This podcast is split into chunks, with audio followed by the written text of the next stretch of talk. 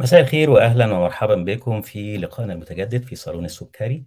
آه، البث كما هو معروف موجود على Clubhouse بالصوت وآدي الصورة بتاعته وموجود أيضا على يوتيوب وعلى فيسبوك وعلى بيريسكوب وعلى Twitch وعلى تويتر وعلى LinkedIn وأيضا آه، هيكون متاح آه، على البودكاست محطات البودكاست أو ال platform بتاعت البودكاست الرئيسية Apple Podcast Google Podcast وأيضا Spotify وفي ثلاثة platforms كمان موجود عليهم البث بتاع الصالون. حلقات الصالون عادة بنناقش فيها قضايا اجتماعية مختلفة. قضايا بعضها بيكون لامس في السياسة. ونادرا الحقيقة بنناقش قضايا علمية أو قضايا يعني ليها علاقة بزيادة وعينا حول بعض القضايا اللي ممكن نكون بنتكلم عليها كتير لكن مش بالضرورة بن بنناقشها أو بنعرف عنها معلومات فيها قدر من من الدقة. فحلقة النهارده هتبقى سلسلة على الأقل من حلقتين. في حلقة هنعملها عن الكون في اللقاء الجاي لصالون السكري اللي هو هيبقى يوم الثلاث زي ما أنتم عارفين هتبقى بالثلاث وسبت 9 مساء توقيت القاهرة. والحلقة بتاعت النهارده عن نظرية التطور التي يشيع في عالمنا العربي والإسلامي أنها سقطت في الغرب. إيه هي نظرية التطور؟ هل هي بتقول بالفعل ما يشيع بين الناس من إن إحنا اصلنا قرد أو الإنسان تطور من قرد؟ هل هي بالفعل نظرية مش مثبتة زي ما بعض الناس بتقول؟ إيه معنى كلمة نظرية أصلا؟ كلها موضوعات يعني تستحق إن إحنا نديها مساحة من وقتنا ومن اهتمامنا.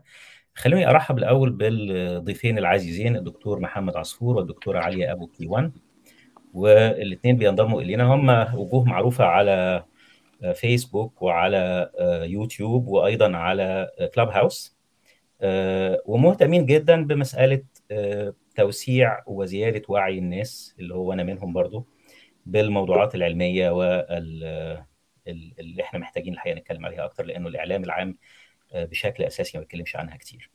أرحب بيك يا دكتور محمد ويا دكتور علياء. أهلا وسهلا فيك أهلا وسهلا. أهلا وسهلا. أهلا وسهلا أستاذ حسام أهلا وسهلا دكتور خلونا نتكلم كده في الأول آه عن بعض ما يشيع من اللي أنتم بتسمعوه. يعني مش هن مش هنرد على حاجة بس يعني إيه إيه الأسئلة اللي إحنا هنحب نجاوب عليها يا دكتور علياء إيه الأسئلة اللي انت بتسمعيها كتير قوي من الناس واللي بتحسي منها إن الناس آه عندها فضول لمعرفة موضوعات محددة؟ زي إيه مثلا فيما يتعلق بنظرية التطور؟ إيه اللي الناس دايما تسأل عليه؟ يعني هو بداية لما. لما بداية بدي بدي أحكي مساء الخير لجميع المتابعين شكرا لاستضافتك لنا في هذا الموضوع هو موضوع يعني هو مهم شائك عند عند كثير من الناس إنه طبعا بسبب خلينا نحكي ضعف تدريسه في دولنا العربية وأيضا قلة المتخصصين في هذا المجال. طبعا لما نحكي نظرية تطور بتحس إنه الناس بصير عندها نوعا ما شكل من أشكال الرعب وأنا ما بقدر أفسر هذا الشيء. لكن بقدر أتفهم من ناحية واحدة إنه ما عندنا خلفية علمية واضحة بالنسبة للناس عن هذا الموضوع. يعني مثلا إنه بيقول لك مثلا أول كلمة مثلا بقول لك هاي هاي مجرد نظرية. وكأنه النظريه شيء يعني إحنا بمجتمعنا العلمي نظرية يعني لها ثقلها العلمي المهم. يعني لما نحكي إنه في في مثلا نظرية معينة أنا أنا عايز أخلي ال... خلينا بس نعمل إيه؟ سكاننج لمعظم الأسئلة اللي نسالها بيتسالوا هل هي نظرية ولا لأ و آه إحنا أصلنا إحنا أصلنا قرد مثلا. تمام. إنه الإنسان أصله قرد. مثلا إنه ليش الإنسان إلى الآن ليش الإنسان ما تطور إلى الآن؟ مثلا بكذبوا موضوع الأحافير بينكروا وجود الديناصورات.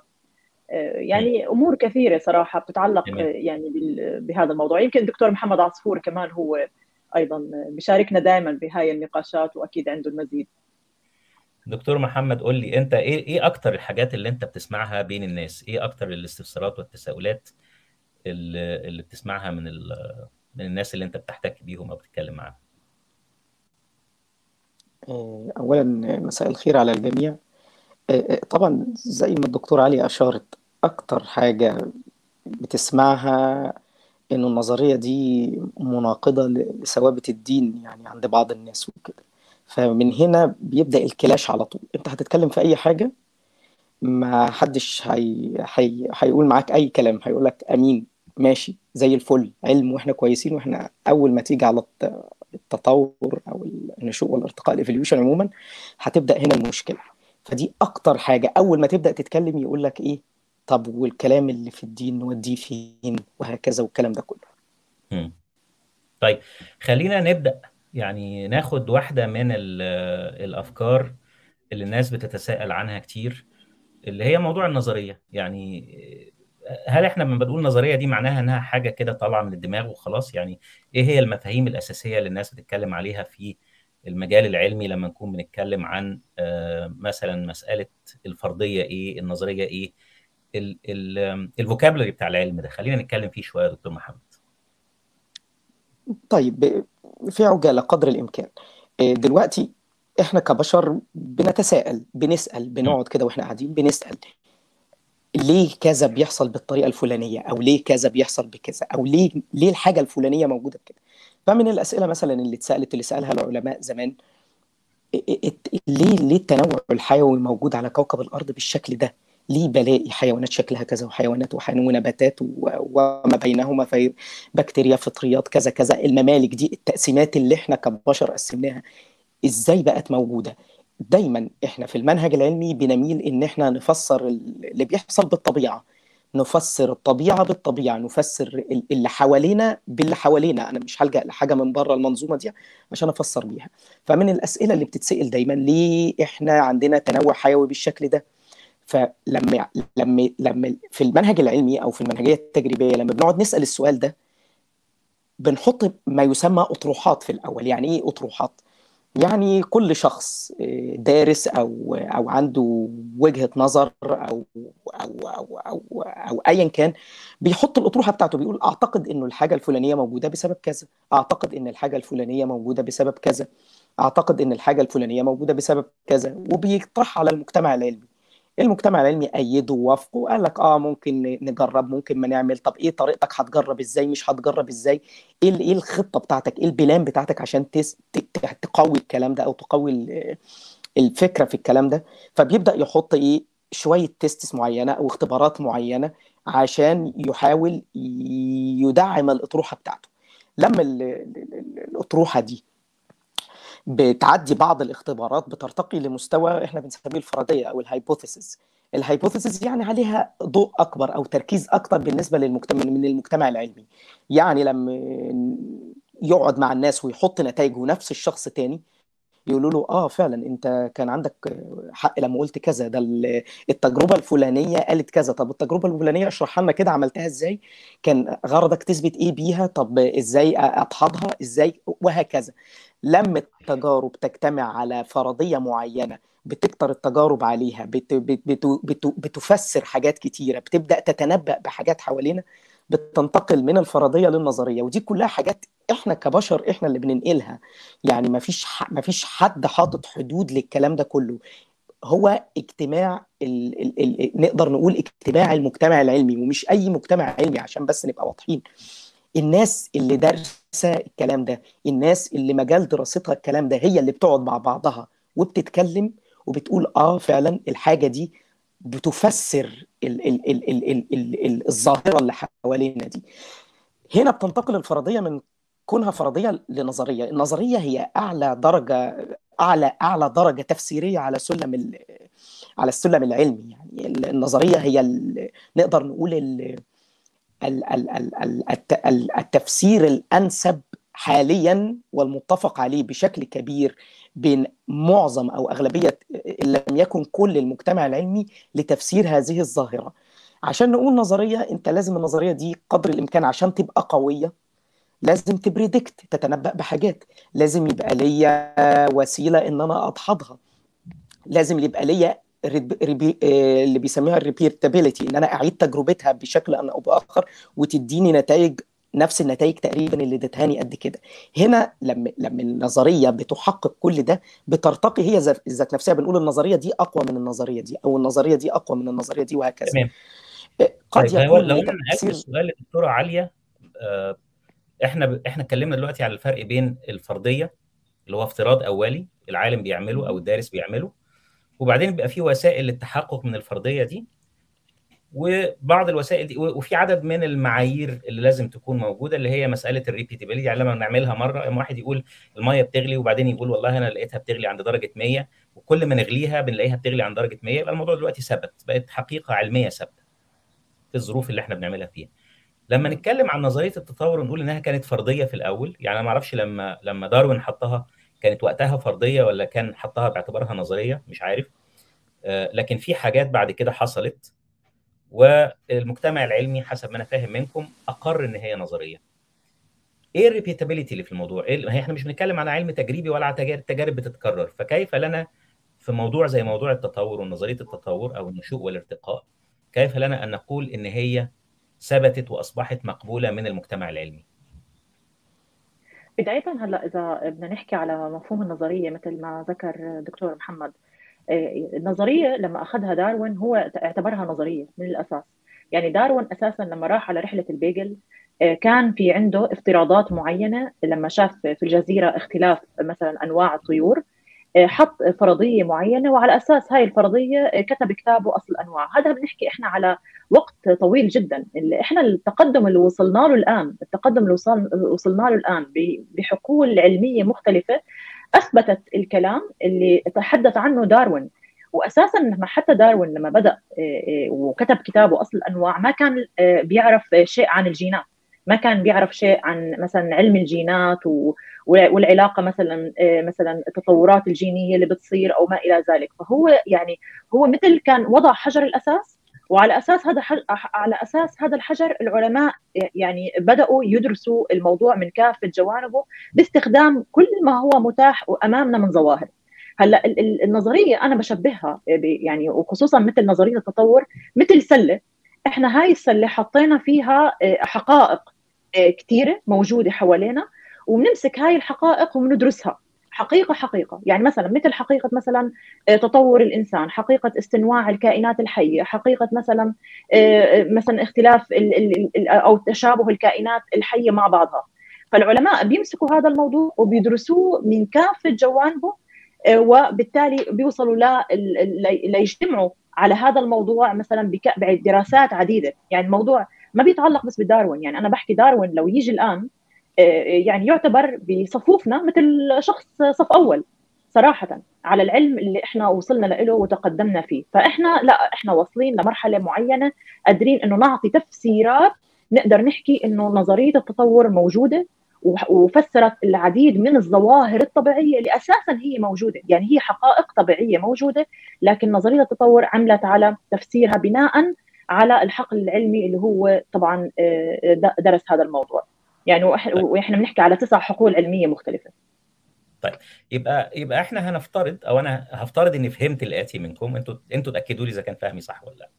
أنا فهمت إن هو وقتها حط فرضية وما وجده من دلائل في هذا الوقت أثبت لي وللمجتمع العلمي وقتها إن إحنا معانا نظرية وإنه في اكتشافات في عقو في حقول علمية مختلفة حصلت من أكثر من 100 سنة منذ ميلاد داروين لحد النهارده وكلها أكدت هذه الفرضية النظرية وأصبح المجتمع العلمي أكثر ثقة فيها من أي تفسير تاني لتطور الحياة على هذا الكوكب. كده أنا ماشي صح؟ نعم. طيب. آه. إيه الفرضية بقى؟ إيه ما هي يعني هو قال إيه؟ ما هي الفرضية الحقيقية اللي داروين قالها؟ نبدا بدكتور علياء وبعدين دكتور محمد يكمل لو في إضافة ثانية عليها. بس إيه اللي إحنا بنقوله؟ عشان الناس ساعات بيلتبس عليها الموضوع، ساعات بيتهيأ لهم إن إحنا بنتكلم على أو إن النظرية بتتكلم على إنه الإنشاء الإنسان كان أصله قرد مثلا، يعني أنا في في تعليق آه في أحد الأصدقاء أعتقد إن هو ناقد شوية بيقول يلي بيحب يكون أصله قرد يرجع لأصله، قرد أو سعدان اللي هو الكلمتين اللي بيتقالوا على القرد في في لهجات الشام ولبنان يعني. ده تصور إنه إنه إحنا أجدادنا عند ناس معينة شايفين إنه نظرية التطور بتقول لهم إنه ال الإنسان كان أصله قرد بالمعنى الحرفي. فخلينا نقول إيه هي الفرضية النظرية كما صيغت وكما ثبت لنا أنها صحيحة؟ يعني هو داروين يعني فعليا لما لما بدأ يعني وضع أساس هو استنواع الكائنات الحية. يعني إنه الكائنات الحية في تنتمي لرتب معينة وهي الرتب أيضا تفصل أو يتم تفصيلها مثلا إلى ممالك. يعني إحنا عندنا مثلا إحنا مثلا تابعين مثلا للمملكة الحيوانية. المملكة الحيوانية بتجمعنا العديد من الصفات لكن طبعا تختلف الرتب اللي إحنا مثلا إحنا مثلا تابعين لرتبة الرئيسيات مثلا.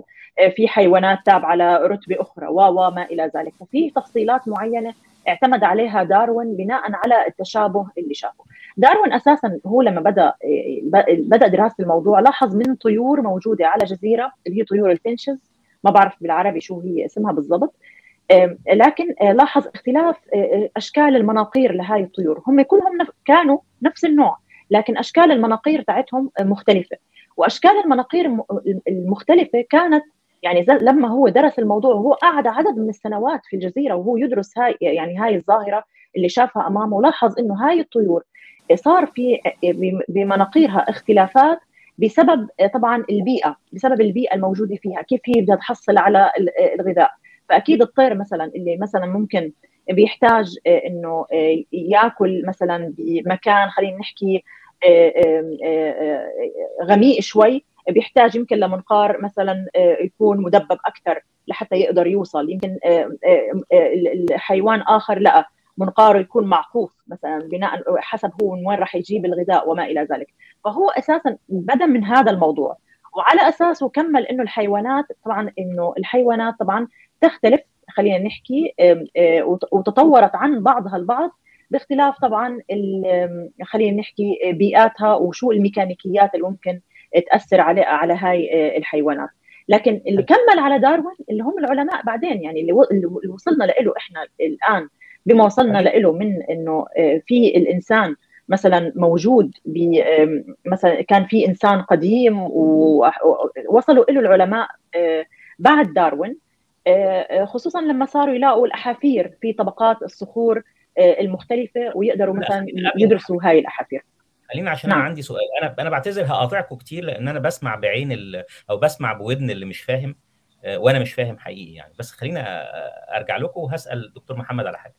لو خليناها في الجزيرة اللي كان داروين اكتشفها واللي أنا حسب ما أذكر كانت جزر جالاباجوس ومجموعة الطيور اللي لقاها كانت مميزة عن غيرها بحاجة مختلفة شوية وهي إنه المكان ده كان معزول. يعني التنوع اللي موجود لما هو لقى أعتقد إن هم 15 فصيلة مختلفة من نفس نوع الطيور ومتنوعة بالشكل الدكتوره علياء وصفته ولقى إن دي أصلا مجموعة معزولة جينيا يعني ما فيش حد بيدخل من بره ما فيش طيور بتيجي.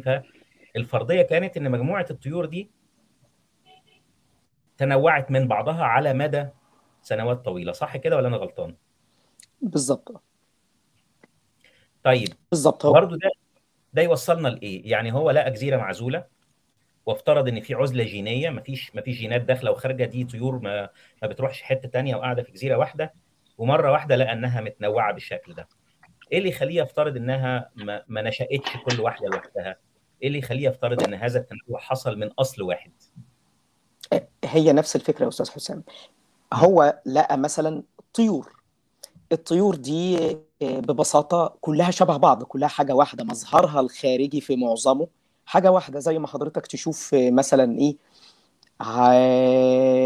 حمام أشكال معينة هو في الآخر كله حمام.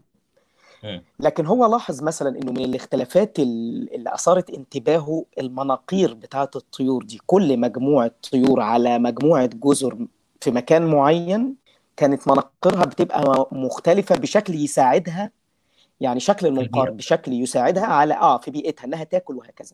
فهو بتيجي في دماغه الفكرة هي مجرد فكرة. هو ليه ما تكونش الطيور دي كلها كانت موجودة على جزيرة واحدة وبعدين قدرت بطريقة ما إنها تنتقل وبعد كده حصلت فيها تغيرات طفيفة تساعدها تساعدها على البقاء في البيئة اللي هي عايشة فيها دي بحيث إن هي تسود بحيث إنه إنه إنه الطير اللي عنده أو ال أو ال أو ال أو الفرد اللي عنده الشكل الظاهري دي أو الحاجة دي يسود في محيطه. بدأ يفكر هو الموضوع مجرد تفكير. أنا عاوز أفسر ليه التنوع ده موجود؟ ليه الطيور دي كلها موجودة ومناقيرها مختلفة؟ ما أنا ممكن فعلا أحط ال fixed species view اللي هو إيه هي كلها نشأت كده وطلعت كده بس هنزل لتحت وأفكر. طب هي إزاي نشأت كده؟ مش هوصل لإجابة لكن لما أحط التطور إنه ممكن الطيور دي تكون نشأت من من من من مجموعة واحدة أو شكل واحد وبعد كده بناء على البيئة اللي هي فيها بدأت البيئة تنتقي تنتقي هي البيئة مش بتنتقي حرفيا هو مجرد انه هي الطير بيظهر فيه ميزة معينة أو تغير ظاهري معين بيساعده إن هو يبقى أكثر ويسود ويتكاثر في البيئة دي. فهو يعني why not لماذا لا؟ اللي أنا اللي أنا فاهمه من من كلام حضرتك وربما من قراءات تانية إن إحنا هنفترض إن في بيئة الغذاء فيها تحت سطح المية بمسافة معينة مثلا. نتيجة إنه ده هيحتاج منقار أطول شوية عشان يوصل للغذاء. معنى كده إنه الطيور اللي غذائها طويل بالصدفة أو اللي حصل فيها تنوع خلى المنقار أطول فدي هيبقى عندها فرصة إنها تتغذى أفضل من غيرها. وبالتالي مع استمرار الحياة الطير اللي منقاره أطول شوية بيبتدي يبقى عنده فرصه أكتر في البقاء والطير اللي ما عندوش منقار بنفس الطول بيجوع بي بيتعب بي بي بيحصل بقى ليه مشاكل. لكن الطير اللي حصل تحورات فيه بشكل يساعده على البقاء ده هو اللي بيبتدي يولد طيور تانية فبتدي عندي السلالة كلها تتطور. هل أنا فاهم كده صح؟ بالظبط بالظبط هو الموضوع هو حتى سمى لما لما لما سمى سمى الفرضية بتاعته أو الطرح بتاعه في الأول by means of natural selection الانتقاء الطبيعي. يعني الطبيعة هي اللي بتخلي ده يسود أو ده يسود. أنا عندي بيئة ما محتاجة إنه يكون المنقار بالطول بالشكل الفلاني بالطول الفلاني بال بال بال بالحاجة الفلانية إنه نات كراكر يكسر مثلا أو إنه يكون منقار طويل بحيث إنه هو مثلا يقدر يجيب غذاء مثلا دودة معينة بتعيش في جحر معين. وهكذا. مين اللي بينتقي الكلام ده؟ هو الطبيعة هي اللي بتخلي الطبيعة فيها دود عايش في جحور فالمنقار الأطول هو اللي هيسود ببساطة هو اللي هيقدر يعيش ويسود. فهو ببساطة فكر ليه ما تكونش الطيور دي كلها جاية من طير واحد؟ ببساطة والطبيعة انتقت بناء على أو البيئة اللي هم عايشين فيها الطيور دي انتقت الطير اللي عنده خواص ظاهرية معينة تمكنه إن هو يبقى فبقي. وبعد كده يعني بدأت الفكرة تكبر ما. يعني نظريا لو إحنا عندنا بيئة فيها شجر عالي والأكل بيبقى موجود على الشجر ده الكائنات اللي لها من الطول أو القدرة على التسلق أو الوسيلة إنها تجيب الأكل ده هي اللي هتعيش والكائنات الثانية اللي مش هتقدر هي اللي هتندثر. طب دكتوره علياء بالظبط بب... للتبسيط ببساطة طبعا. آه طب دكتوره علياء هرجع لك بقى بسؤال تاني في السياق ده. إيه التاني اللي حصل وأكد لنا إنه هذه الفرضية اللي بتقول إنه ما دام الطيور دي تنوعت وأصبحت بتمتلك خصائص ملائمة لبيئتها اذا فهذه الطيور من أصل واحد ولكن البيئة هي اللي اختارت مين اللي يعيش هنا ومين اللي شكله إيه يعيش هنا ومين اللي شكله يعيش هنا. لما البيئة عملت الكلام ده أو حصل هذا الانتقاء الطبيعي بناء على قدرة هذه الأحياء على البقاء حية.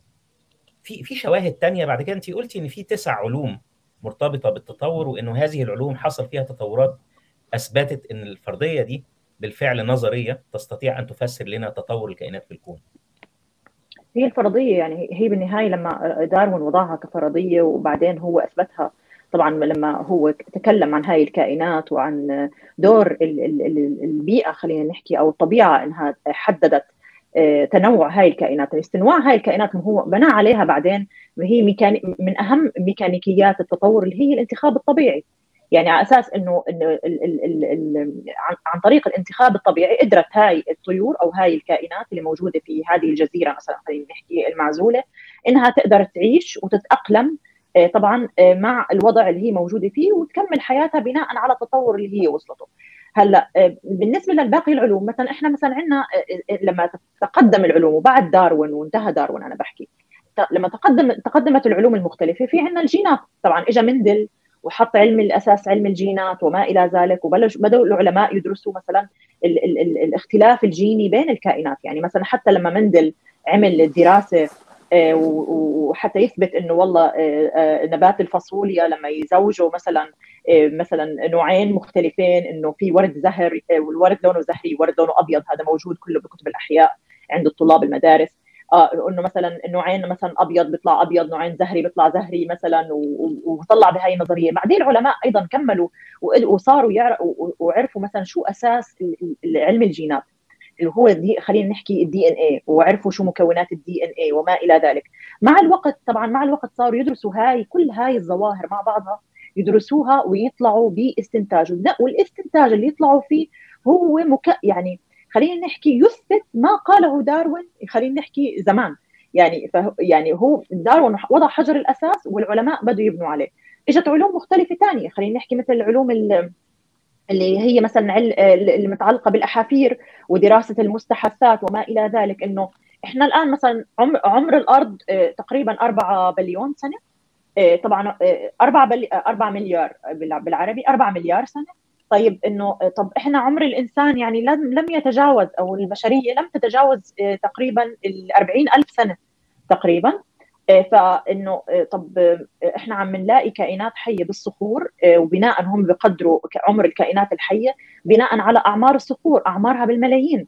معناته كان في كائنات حية موجودة قبل الإنسان. فهنا أيضا إنه كيف هاي الكائنات الحية نشأت وكيف تطورت عن بعضها البعض؟ طب بيجي علم التشريح المقارن. علم التشريح المقارن لقى إنه في تشابه بين الكائنات الحية من الناحية التشريحية من ناحية مثلا خلينا نحكي ال embryology ومن ناحية اللي هو طبعا الأجنة من ناحية الهياكل العظمية العظام وما إلى ذلك.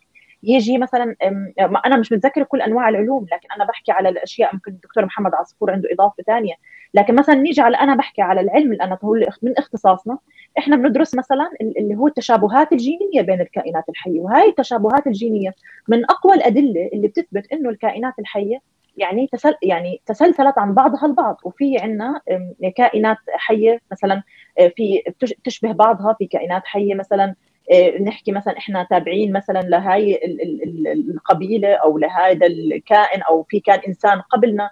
يعني مثلا المستحثات اللي أو العظام اللي وجدوا وجدوها للإنسان القديم لما عملوا مثلا sequence أو هو تسلسل جيني لقوا إنه في في إحنا بنحمل خلينا نحكي أجزاء من جينات هذا الإنسان القديم. بالتالي إنه في كان إنسان قبلنا موجود قبل ال Homo sapiens وما إلى ذلك من أنواع البشر.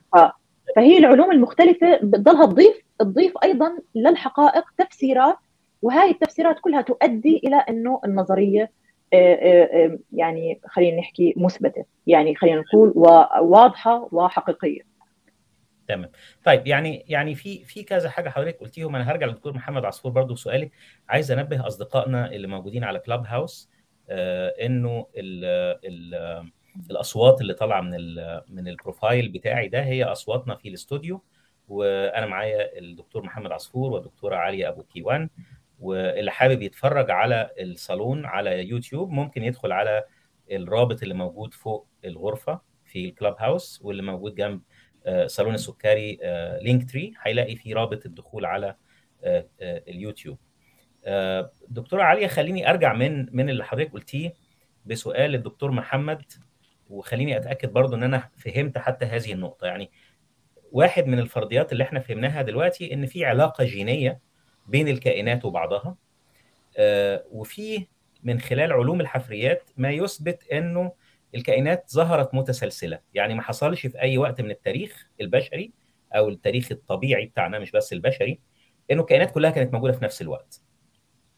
ما, ما, ما, ما كانتش موجودة في نفس الوقت. حصل إنها بدأت في خلال حقب ومراحل تاريخية معينة أثناء نمو هذه الحياة على على كوكب الأرض ابتدينا نشوف انتقالات ابتدينا نشوف ظهور سلالات معينة من الكائنات في كل مرحلة.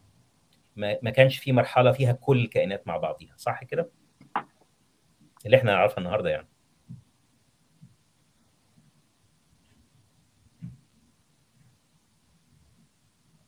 دكتور محمد سامعني آه بالظبط لو سؤال ليا آه بالظبط بالظبط آه. بالظبط طيب. السجل الأحفوري من من من, من أقوى الأدلة يعني. من أقوى الأدلة على إنه الكائنات دي موجودة بشكل متسلسل. في في في البداية بتبدأ الأفكار كالتالي. لما لما هو لما نشوف الكائنات إن هي بنط... بن... بن... بن... بن... بنبدأ نفترض إنه الكائنات دي. ليه؟ بنسأل نفسنا ليه ما يكونش لكل دول أصل مشترك؟ طب ليه ما يكونش لكل دول وغيرهم من الطيور أصل مشترك؟ طب ليه ما يكونش لكل المملكة اللي هو الكائنات اللي بتطير والكائنات اللي بتمشي والكائنات اللي بتزحف والكائنات اللي تسبح في المية؟ وي وي أصل مشترك. طب ليه ما يكونش للكائنات للمملكة الحيوانية والمملكة النباتية والبكتيريا والفطريات وكذا وكذا بس أصل بس مشترك؟ ليه لأ. ليه لأ هل هل ليه لأ ده argument كافية؟ يعني ما هو ليه لأ أو ليه آه يعني ليه أنا بقول كده؟ آه، اللي بالظبط بالظبط خالص اللي يخلي دي طبعا. صحيحة؟ اللي يخلي الفرضية إحنا مش هنقول صحيحة 100% يعني احتراق يعني لأنه المنهجية العلمية لا لا تثبت ولا تنفي حاجة يعني المنهجية العلمية ليست منهجية يقينية لا تدعي اليقينية ولا تدعي الكمال ولا تدعي إن إحنا قدرنا نثبت حاجة 100% ولا قدرنا إن إحنا ننفي حاجة 100% ولكن بنقول لما هو بيحط الفكرة دي بيقول ليه ما تكونش كده؟ ليه ما تكونش الكائنات كلها مرتبطة ببعضها بيبدأ يفكر هو ده هو الناس بتفكر بالطريقة دي. طب الكائنات الحية دي بتتكون من وحدات أصغر. إيه هي الوحدات الأصغر؟ أصغر وحدة أو وحدة بناء الكائن الحي؟ هي الخلية الحية هي الخلية cell single cell مم. بيبدأ السؤال طب ليه ما تكونش الحياة دي كلها بدأت من خلية أو مجموعة خلايا بسيطة؟ أو نقدر نقول بشكل بسيط وتعقدت على مدار الزمن. ده طرح. دي مجرد اطروحه بيحطها بيحطها العلماء ويقعدوا ويتناقشوا فيها مع بعض كده في في ال scientific communities اللي بيعملوها. سواء زمان في ال في ال في ال في ال في ال Royal College في في في في وبيقعدوا يتكلموا مع بعض بالطريقة دي. وبعدين بييجوا يسألوا نفسهم طب أنا أقدر أثبت حاجة زي دي إزاي؟ يجي حد يقول لهم أنا عندي علم جديد أو علم حديث اسمه البيلون ال- ال- العلم الأحافير ايا كان سواء فقرية أو لا فقرية أو أو أو نقدر من خلاله نشوف تطور. أو أو أو تسلسل اللي أنتوا بتقولوا عليه ده هل اللي أنتوا بتقولوا عليه ده موجود فعلا ولا لا يعني لما أنا أدور في الصخور اللي أنا بطرق معينة جيولوجية عارف عمرها كام. الرسوبيات اللي موجودة في الصخور دي أنا عارف تقريبا عمرها كام. ولما أقول تقريبا يعني أنا مش بتكلم مثلا في الفرق هيكون آه، مليارات السنين أو ملايين السنين. لا الفرق أنت بتتكلم مثلا هتقول دي تتراوح مثلا عمرها بين من 540 ل 550 مليون سنة. يعني هنبدأ كل ما بعدت الفترة كل ال margin of error يزيد شوية لكن هيفضل في الحد المقبول علميا. كل ما نبص لقينا في الأحافير إن إحنا كل ما نبص في صخور أقدم كل ما نلاقي الحياة بسيطة وما فيش ما يخالف ذلك بالمرة. كل ما ترجع بالزمن كل ما تلاقي ال- أشكال الحياة كانت بسيطة جدا جدا جدا. لحد ما تنزل لمرحلة اللي هي المجتمعات البكتيرية أو السو أو أو اللي بيسموها المجم- المجمعات البكتيرية ال somites يعني أو ال stromatolites لو أنا فاكر الاسم صح يعني دي بتلاقيها موجودة مثلا في صخور عمرها يتراوح أو في في في رسوبيات عمرها يرجع ل 3.8 من عشرة مليار سنة اللي هو بعد 700 س- 700 مليون سنة تقريبا من تكون كوكب الأرض. هنا بتتخمر الفكرة في الدماغ ويبدأ يقول آه فعلا أنت تفكيرك منطقي. أنت لما تقول لي إنه الكائنات بتتسلسل من من الأقل من البسيط للأعقد للأعقد للأعقد للأعقد آه التفكير ده منطقي. ليه؟ لأن أنا عندي شواهد في في الصخور بتاعتي بتشير إلى الكلام ده. ومفيش عكس ذلك تماما. يعني أنا عمري ما هلاقي كائن معقد موجود كده في مكان مش مكانه. عمري ما هلاقي كائن المفروض إنه ما يكونش موجود في المكان ده بقى موجود في المكان ده. مفيش لحد دلوقتي لحد آه، ما إحنا بنتكلم دلوقتي الكلام ده مش موجود. الموضوع ماشي بشكل كوهيرنت ومتناسب بشكل يدعو للدهشة يعني. تمام. يعني أنا عندي حقيقتين من اللي أنا فهمته من من حضراتكم دلوقتي. آه، الحقيقة الأولى إنه الكائنات ما اتوجدتش كلها مع بعض ما اتوجدتش كلها في نفس اللحظة. ما نراه اليوم مش بالضرورة موجود زي ما هو من آه، عشرات الآلاف من السنين أو مئات الآلاف من السنين أو ملايين السنين معرفش. آه، يعني حسب السكيل اللي إحنا بنتكلم عليه. بس ما حصلش إن هم كانوا موجودين مع بعض. دي دي حقيقة. الحقيقة الثانية إنه زمنيا التطور دايما كان موجود من الأبسط فالأكثر تعقيدا. وكل ما بنرجع ورا بنلاحظ ده في الأحافير اللي هي صخورها بتكون الأحافير دي هي عبارة عن آه، آه، كائنات أو أو أعضاء متكلسة حسب ما أنا فاهم محفوظة داخل الصخور أو داخل البراكين آه، كائن وبعدين حصل بركان ودفن وبعدين بعد كده بن- بندور بنلاقيها موجودة. وبنقدر نحدد التاريخ بتاع الصخور دي وبالتالي تاريخ وجود هذه الكائنات لما الصخرة اتكونت حواليها. كل ما بنرجع لورا كل ما بنلاقي كائنات أكثر بساطة لحد ما نلاقي كائنات بسيطة بسيطة جدا في الآخر. فالحقيقتين دول من من الحقائق اللي أكدوا لنا فرضية إنه الكائنات آه، ظهرت في آه، آه، فترات مختلفة وإنها تطورت بشكل متتابع وإنه في أصل جيني موجود في عدد كبير من الكائنات دي بينقلها من كائن لكائن لكن نفس الجينات موجودة. صح كده يا دكتور علياء آه بس إحنا لازم ننوه على شغلة إنه هو التسلسل الكائنات أو تطور الكائنات ما كان أفقي. يعني هو التطور إحنا بنحكي بياخذ الشكل خلينا نحكي الشجري يعني إنه البداية البداية كانت كائن بسيط مثل ما حكى الدكتور محمد عصفور وتفرع بعدين تفرعت الكائنات. ما بنعرف بالضبط الكائنات يعني خلينا نحكي في مثلا كائنات ممكن نقدر نحدد إنه والله متى متى بدأ ظهورها خصوصا الكائنات المائية. لأنه أكثر أكثر الأحافير اللي عم بيلاقوها مثلا الكائنات كانت مثلا برمائيه أو مائية أو ما إلى ذلك مثل مثلا الحوت اللي, اللي له أربع أقدام. إنه هذا اذا الحوت اللي موجود الآن في البحر اللي ما بعرف كم طن يزن كان في بداياته كان كائن له أربع رجلين لكن بسبب الظروف اللي ظهرت على الأرض وأدى إلى مثلا إنه حصلت فيضانات أو حصلت بحار أو ما إلى ذلك أدى إنه هذا الكائن لازم يعيش في المي. بالتالي إنه هذا الكائن مع الوقت تطور وصار خلينا نحكي حوت. بس أنا بدي أنوه لنقطة لأنه بلا عشان عشانها مسجله على اليوتيوب إنه عمر الإنسان 200 ألف سنة مش أربع مش 40 ألف. فأنا بعتذر عن هاي عن هذا الخطأ بس حتى إنه يعني أكون حاكي المعلومة صح. تمام تمام. طيب إزاي ال... خلينا نركز على النقطة بتاعت التشريح المقارن مثلا ك ك كداعم من دعائم نظرية التطور. مش عارف إذا كان حضرتك ولا الدكتور محمد يحب يتكلم في النقطة دي. يعني دي من النقط اللي حبيت دكتور محمد هو طبيب أكيد هو درس التشريح أكثر مني. طيب دكتور محمد يعني كيف يساعدنا التشريح المقارن؟ وإيه هو التشريح المقارن أصلا؟ في فهم نظرية التطور باعتباره واحد من أهم دعائم النظرية. التشريح المقارن أو ال comparative anatomy ببساطة ببساطة إن أنا بشرح الكائنات الحية وبشوف أوجه الشبه فيها.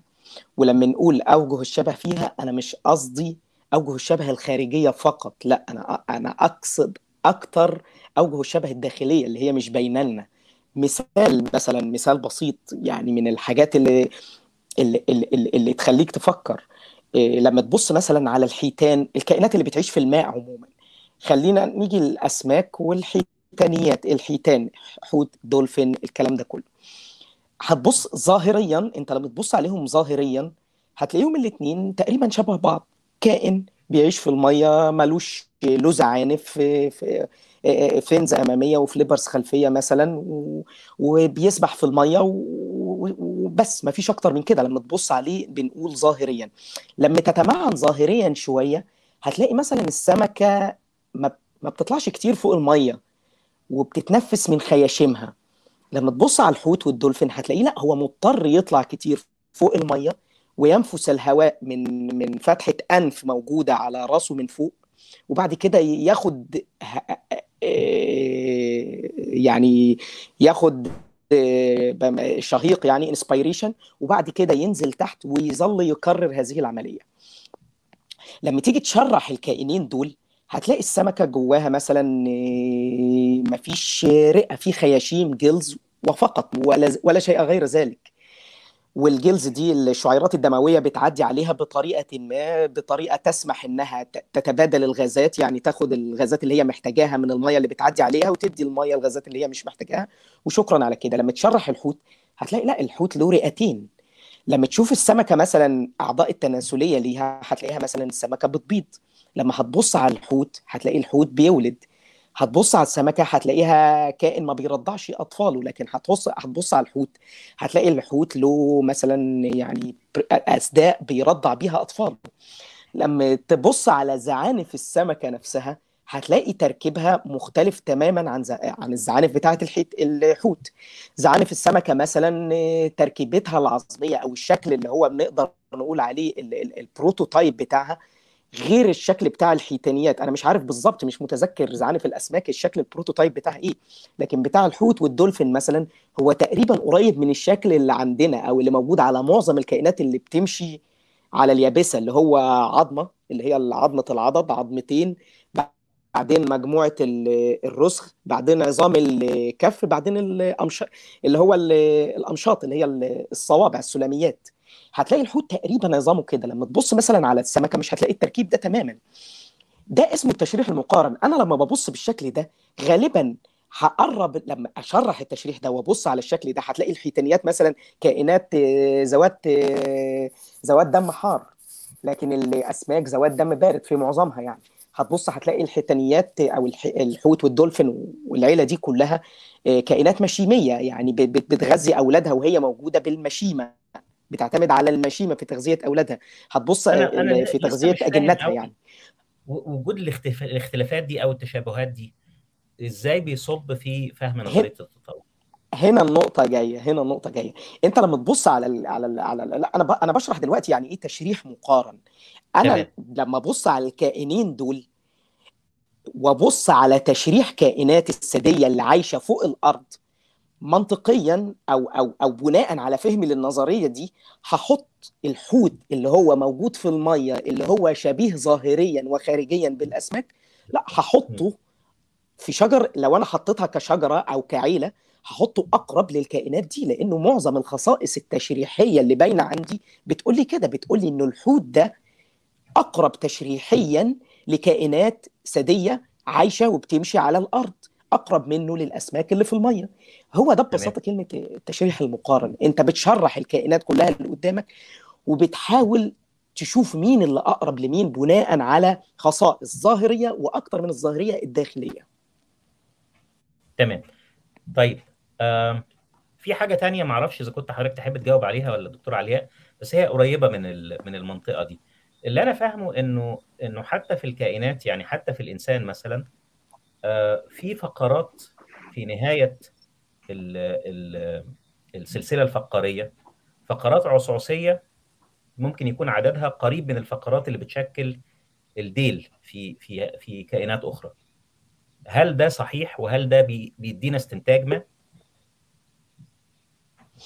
هو هو مش عددها قريب من الفقرات لا هو عددها مختلف تماما ولكن هي يعني لما تبص عليها تشريحيا كأنها شبيهة بديل بديل ولم يكتمل يعني أو تقدر تقول الشكل ده قريب إنه يكون ديل. لما أنا بشرح الكائنات اللي لها زيول بلاقي الفقرات العصعصيه دي ممتدة مكونة ديل لكن عند الإنسان بيعملوا أربع أو خمس فقرات ملتصقين ببعض بيسموهم العصعص في آخر العمود الفقري وينتهوا على كده تماما. دي اللي إحنا بنقول عليها التشابهات اللي اللي اللي بت بت بت بتقوي من فكرتي أو من فكرة التطور إنه الكائنات دي كلها جاية من غالبا من أصل واحد. إحنا عندنا حاجات مشتركة كتير. إحنا ما عندناش الحاجات الظاهرية الكبيرة المشتركة. أقدر أفسرها بالطريقة دي. أقدر أفسرها طبيعيا بالشكل ده. أقدر أفسرها بالنظرية دي.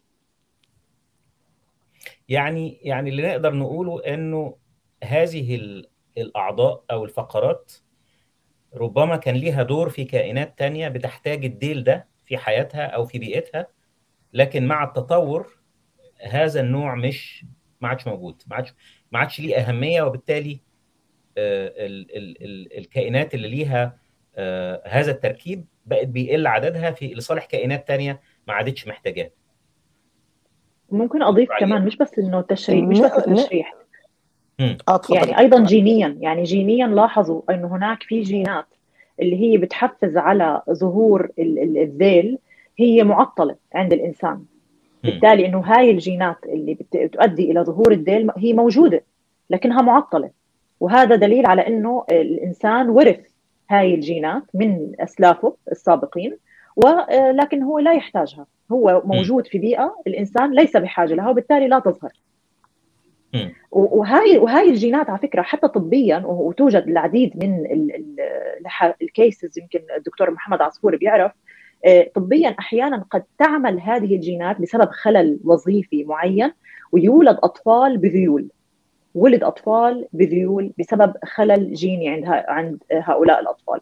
فالموضوع إنه هاي الجينات موجودة لكنها معطلة لعدم حاجتنا لها.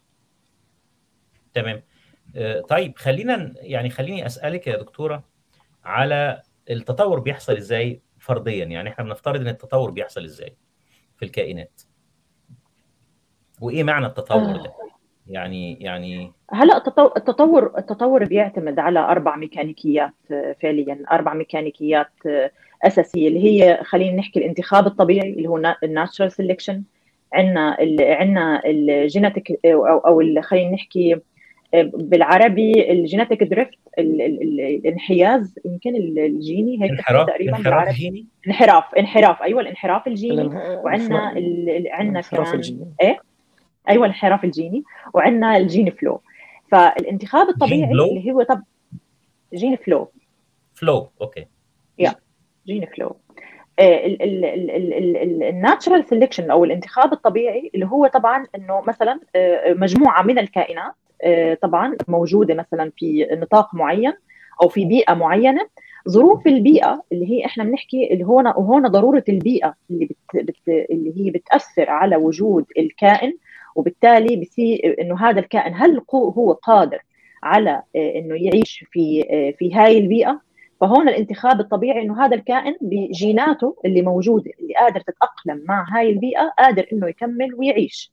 يعني هاي اللي إحنا بنحكي وهاي اللي هي بتفسر أيضا المغالطة اللي بيحكوها الناس البقاء للأقوى. لا البقاء مش الاقوى البقاء للأصلح. البقاء الأصلح للكائن اللي قادر يتأقلم ويتحمل الظروف البيئيه البيئه البيئة اللي هو موجود فيها ويكمل. في عندنا الميكانيكية الثانية اللي هي بتأدي, كمان للتطور اللي هو في انحراف مثلا جينات معينة مجموعة من الجينات. في خلينا نحكي في population معينة في عدد معين من الكائنات بيكونوا متشابهين. بسبب ظرف معين لوجود هاي الكائنات أدى إلى مثلا تكون في عندنا صفة سائدة. يعني مثلا لو أخذنا مثلا لو أخذنا مثلا مجموعة أرانب سود أو لونهم بني مع بعض وموجودين في بيئة هم بيطلعوا يعني مثلا موجودين في بيئة مثلا خلينا نحكي في الطبيعة. ومعهم أرنب أبيض. بتخيل إنه ال ال ال الكائنات اللي رح تاكل الأرانب اللي لونها أبيض قادرين يميزوا الكائنات مثلا مثل الثعالب أو الذئاب قادرين يميزوا اللون الأبيض أكثر من بقية الأرانب اللي ممكن تقدر تتخفى عند الأشجار أو في التراب أو ما إلى ذلك. فبالتالي هذا الأرنب بلونه الأبيض غير قادر إنه يكمل في في البيئة. فالتزاوج اللي بيصير بين الأرانب البنية قادر إنه تطغى صفه اللون البني لهاي الأرانب وبالتالي بتختفي الصفة للأرنب الأبيض وهذا إحنا بنسميه الانحراف الانحراف الجيني. الجين فلو اللي هو ممكن يكونوا مثلا كائنات موجودين مثلا في بيئة في بيئة معينة بسبب ظروف خلينا نحكي مثلا دخول كائن آخر عليهم من نفس خلينا نحكي الفصيل أو من نفس النوع. كان ممكن إنه بيتغذوا على شيء معين صار في تزاوج بالتالي إنه ظهرت لديهم صفة بسبب وجود أو دخول هذا الجين عليهم.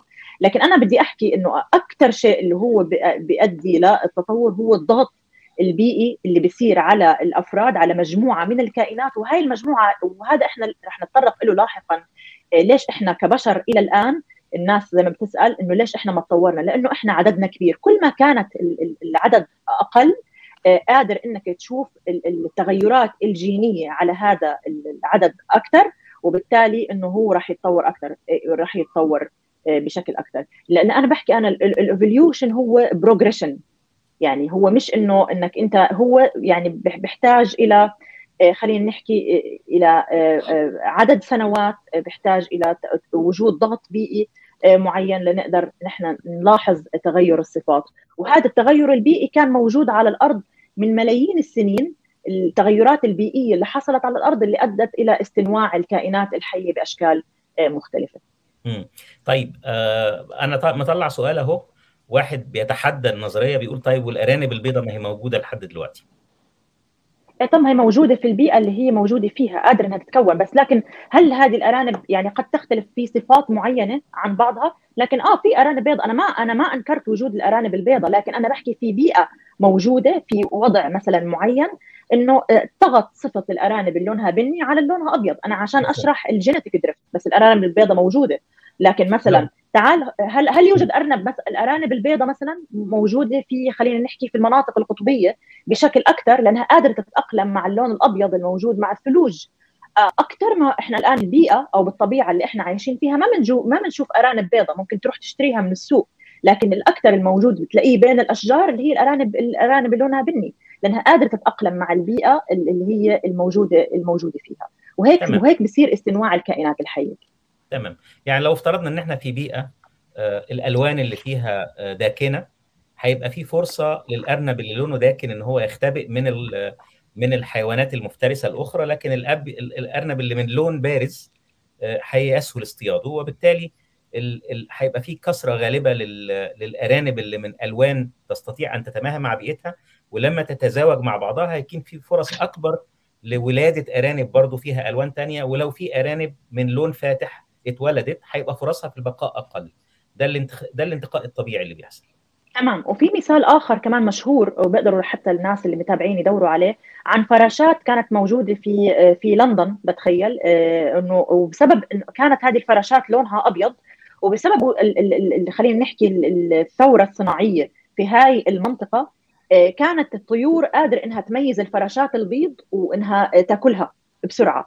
فالفراشات صار فيها بسبب الضغط اللي موجود على هاي الفراشات وإنه إنها عم يتم أكلها من هاي الطيور وبسبب البيئة اللي موجودة فيها هي هاي البيئة اللي خلينا نحكي الصناعية والدخان وما إلى ذلك غيرت من صار فيها تغير جيني صارت الفراشات لونها داكن. يعني صارت إنها الطير ما يقدر يميز الفراشة إذا كانت موجودة على الحيطان بشكل سهل وبالتالي إنها قدرت إنها تكمل هاي الفراشات اللي لونها داكن قدرت إنها تكمل في حياتها. أفضل من الفراشات اللي لونهم فاتح فهي أنا يعني هذا أنا اللي حابة أركز عليه من ناحية إنه البيئة بتلعب دور كبير لتؤدي إلى الكائنات مجموعة من الكائنات إنها يصير لها سelection إنها تقدر تكمل في وبالتالي السلكشن هذا يعني تغير في الجينات وبالتالي إحنا بنحكي هذا يعني من ميكانيكيات التطور. طيب دكتور محمد إحنا اتكلمنا عن دور الجينات اتكلمنا عن الانحراف الجيني واتكلمنا عن الجينيتك فلو أو التدفق الجيني. لو أنا مترجم الكلمة صح. طيب الطفرة بقى دورها إيه؟ يعني الطفرة بتتم بشكل عشوائي حسب ما أنا فاهم. مختلفة شوية عن الانحراف ولا إحنا بنتكلم عن نفس الشيء لما نقول الطفرات الجينية أو الانحراف الجيني؟ دكتور محمد. ال ال ال لا ال ال الانحراف الجيني إن هو ال flow إن هو مجموعة الجينات أو الصفات دي تاخد المجرى ده وتمشي في المجرى ده. ويعني إحنا إحنا قدر الإمكان بنحاول نبسط لكن الموضوع لما لو قعدت مع حد دارس مجال دراسته ال genetics هيقول ال ال الإتصال عندك أعتقد النت عندك مش كويس يا دكتور محمد. آه طيب. خلينا خلينا نرجع للدكتور علياء بنفس السؤال. إلى أن تستطيع أن تعاود الاتصال معنا بشكل أفضل هتحاول تخش تاني. دكتور علياء هل إحنا بنتكلم عن نفس الشيء لما نقول انحراف جيني أو أو طفرة جينية؟ هلا إحنا إحنا الطفرة ما هي الطفرة الجينية خلينا نحكي الميوتيشن هي من الاساس الأساس لحدوث هاي التغيرات لحدوث هذه الميكانيكيات. أنت حكيت طفرة عشوائية وهون الناس اللي اللي كثير بصير في لغط إنه طفرة عشوائية انه إنه هيك الطفرات لحالها ما فيها تعمل شيء. لكن إحنا بنعني إحنا كباحثين بنعني بالعشوائية إنه مش معروف وقتها ولا معروف يعني لا زمانها ولا ال ال ال يعني أو متى راح تحصل بالضبط يعني. يعني ما في ميكانيكية إنه الآن الآن إحنا بنقدر نعرف الآن راح يصير طفرة. لا هذا الحكي إحنا ما بنعرفه. إحنا بنكتشف هذه الطفرة لاحقا. وهي الطفرة وعلى هيك إحنا بنحكي عنها إنها صارت طفرة عشوائية. والطفرات طبعا إحنا بنحكي الطفرات طبعا بأنواعها اللي هي الحذف. ممكن يصير في حذف في أحد ال nucleotideات اللي هي طبعا تسلسل ال DNA ممكن يصير في إضافة ل nucleotide إضافة ل مثلا إضافة بالتالي إنه هو دخل شيء جديد. وممكن يصير في إحنا بيصير في نقل إنه بنتقل يعني أو substitution إنه بصير في استبدال sorry استبدال تقريبا لل nucleotide وبالتالي هون بصير في طفرة. الطفرة كوحدة طفرة واحدة تصير هون ما ما بتقدر أنت تلاحظ تغيير لكن لازم يصير تراكم للطفرات على بفترة زمنية معينة. تحتاج أحيانا الكثير من الوقت حتى تلاحظ إنه فعلا صار في تغيير وهذا التغيير قد يكون سيء وقد يكون أيضا غير سيء، يعني هذا التغيير قد يؤدي إنه الكائن فعلا يقدر يكمل في الحياة ويقدر يعيش مثلا ويتأقلم مع البيئة اللي هو مولود فيها والبيئة اللي هي بتأثر على حدوث هذه الطفرات أو إنه الكائن ينقرض يعني تنتهي حياته تماما. لكن هاي الدكتور محمد عصفور رجع ممكن كمان يعمل إضافة بهذا الموضوع. دكتور محمد الطفرات يعني لو لو اتفضل يا أستاذ حسام. لو لو حد يعني لو الموضوع إحنا بنحاول نبسطه قدر الإمكان عشان يوصل للي عاوز يسمع يعني. لكن لو حد قاعد مع حد شغلته genetics زي الدكتور علياء مثلا الموضوع مش مش مش مش بالسهولة أو مش بالبساطة اللي إحنا بنقولها دي موضوع أعقد من كده بكتير. ولكن ال ال أو ال consensus في المجتمع العلمي دلوقتي أو التوافق أو الاجماع في المجتمع العلمي انه ال evolution بيشتغل يعني إحنا بنبص له gene centered view يعني إحنا بنبص انه في تغيرات بتحصل في الجينات والتغيرات دي هي اللي بت drive ال evolution هي اللي بتقود عمليه التطور دي سواء التغيرات دي بتحصل في الأول في شكل طفرات ايا كانت الطفرات دي بتحصل شكلها إيه بتحصل عشوائيا بتحصل بشكل ايا كان ايا كانت طريقتها اللي بتحصل بيها يعني. والتغيرات اللي بتحصل في الجينات دي هي اللي بتقود عملية التطور هي اللي بتؤدي إلى ظهور صفات أو إنه في صفات تختفي أو إنه في صفات تظهر وهكذا. ف ال... ال... ال... ال... تمام. خليني أشوف لو أنا فهمتكم فهمتكم صح. يعني اللي أنا فاهمه منكم فيما يتعلق بال ال... ال...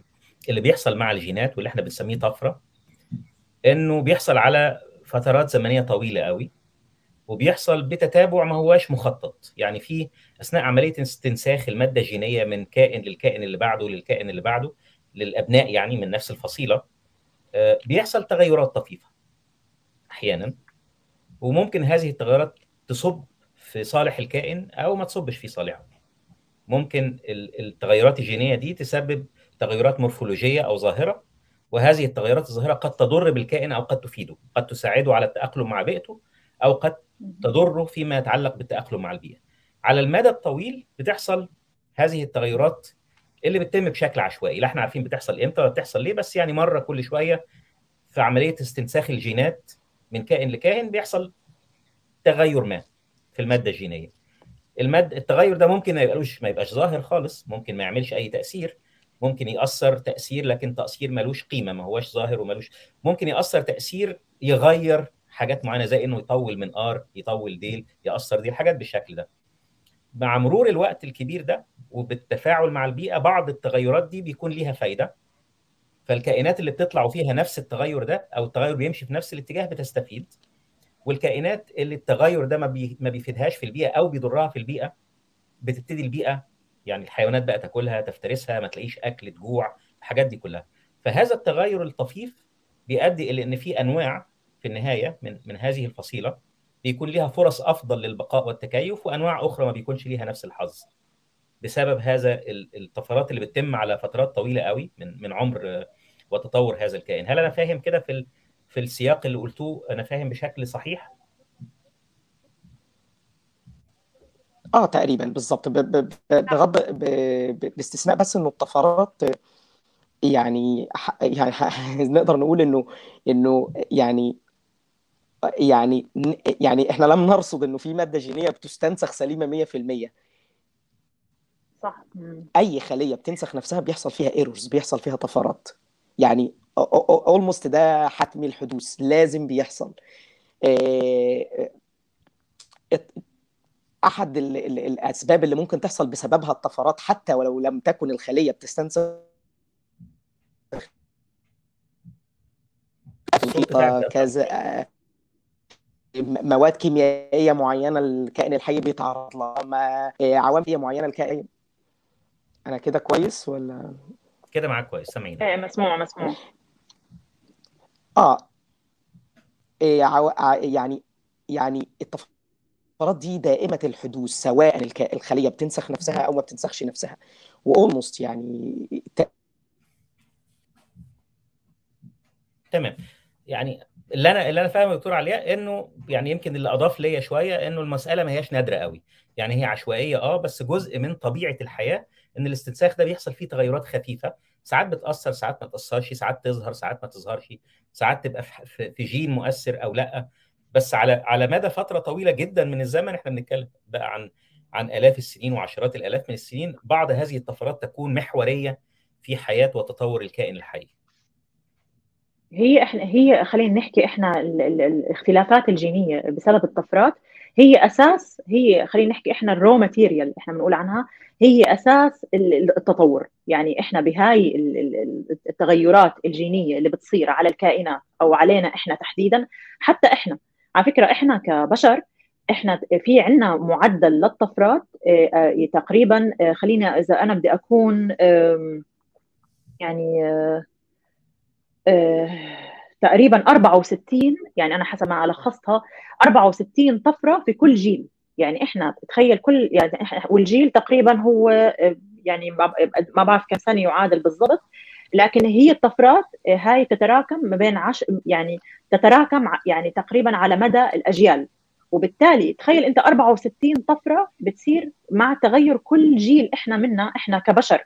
يعني هذا أنت بتحكي بين سبعة ل 10 ل 10 سنوات.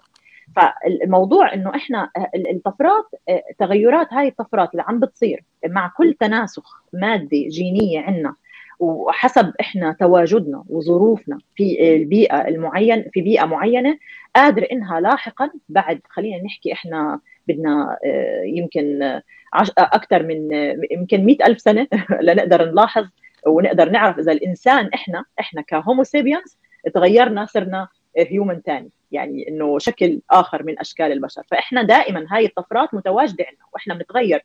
ويمكن إحنا بعدين لنحكي إحنا أمثلة رح نحكي إنه قديش في طفرات في قبائل في بيئات معينة موجودة على الأرض ساهمت بإنه هاي هؤلاء الأشخاص أو هاي المجموعة إنها تتأقلم مع حياتها وتقدر تكمل في ظروف بيئية معينة، يعني أنت حضرتك أو أنا ما بنقدر إحنا نعيش مثلا بالقطب الشمالي. أو القطب الجنوبي بسبب مثلا إنه إحنا ما عندنا أو جيناتنا ما هيئتنا لنقدر إحنا نكون قادرين نتحمل درجات البرودة العالية في هذيك المناطق. بالمقابل هناك أشخاص عادي بيعيشوا بشكل طبيعي ولو إجوا يعيشوا محلنا هؤلاء الأشخاص كمان ما راح يقدروا إنهم يكملوا بسبب في اللي عندنا إحنا بنحكي عنه هذا ال gene variation الاختلافات الجينية أو التباين الجيني بيننا وبينهم تمام.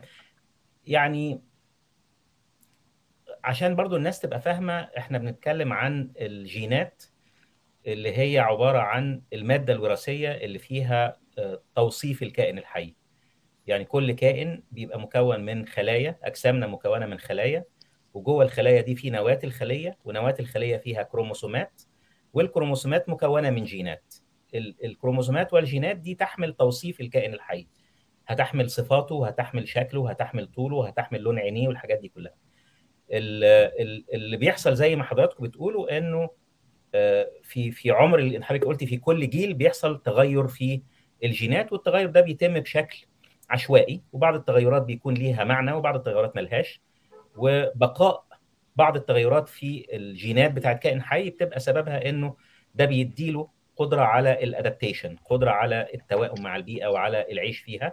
زي المثال اللي حضرتك ضربتيه بالقطب الشمالي وبالعيشه في في بيئات حارة مثلا أحيانا ساعات وده برضو ليه علاقة بلون الجلد. يعني ممكن برضو الناس اللي بيبقى لونها جلدها فاتح في المناطق الشمسية بيتأثروا بشكل بقدرتهم على التكيف مع البيئة بيبقى أقل وبالتالي بمرور الوقت الناس اللي جلدهم داكن بيبقى عندهم قدرة إن هم يعيشوا في البيئة دي بشكل أفضل وهكذا. طيب نرجع تاني للدكتور عصفور. في مثال في مثال ثاني كمان ممكن قريب للناس مثلا خلينا نحكي الجبال مثل جبال إيفرست.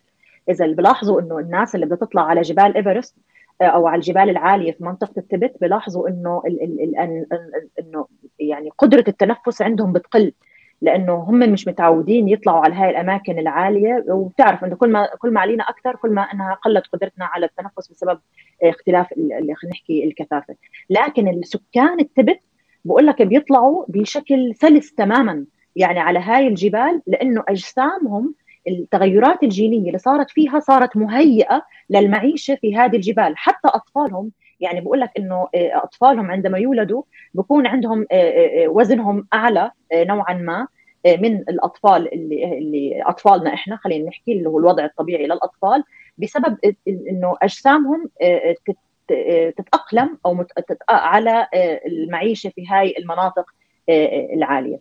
وهون تخيل أنت مع الزمن مع الزمن مع تقدم الزمن وتراكم مثل هاي الطفرات رح ينشأ خلينا نحكي جيل آخر بيختلف يعني عن الجيل اللي قبله.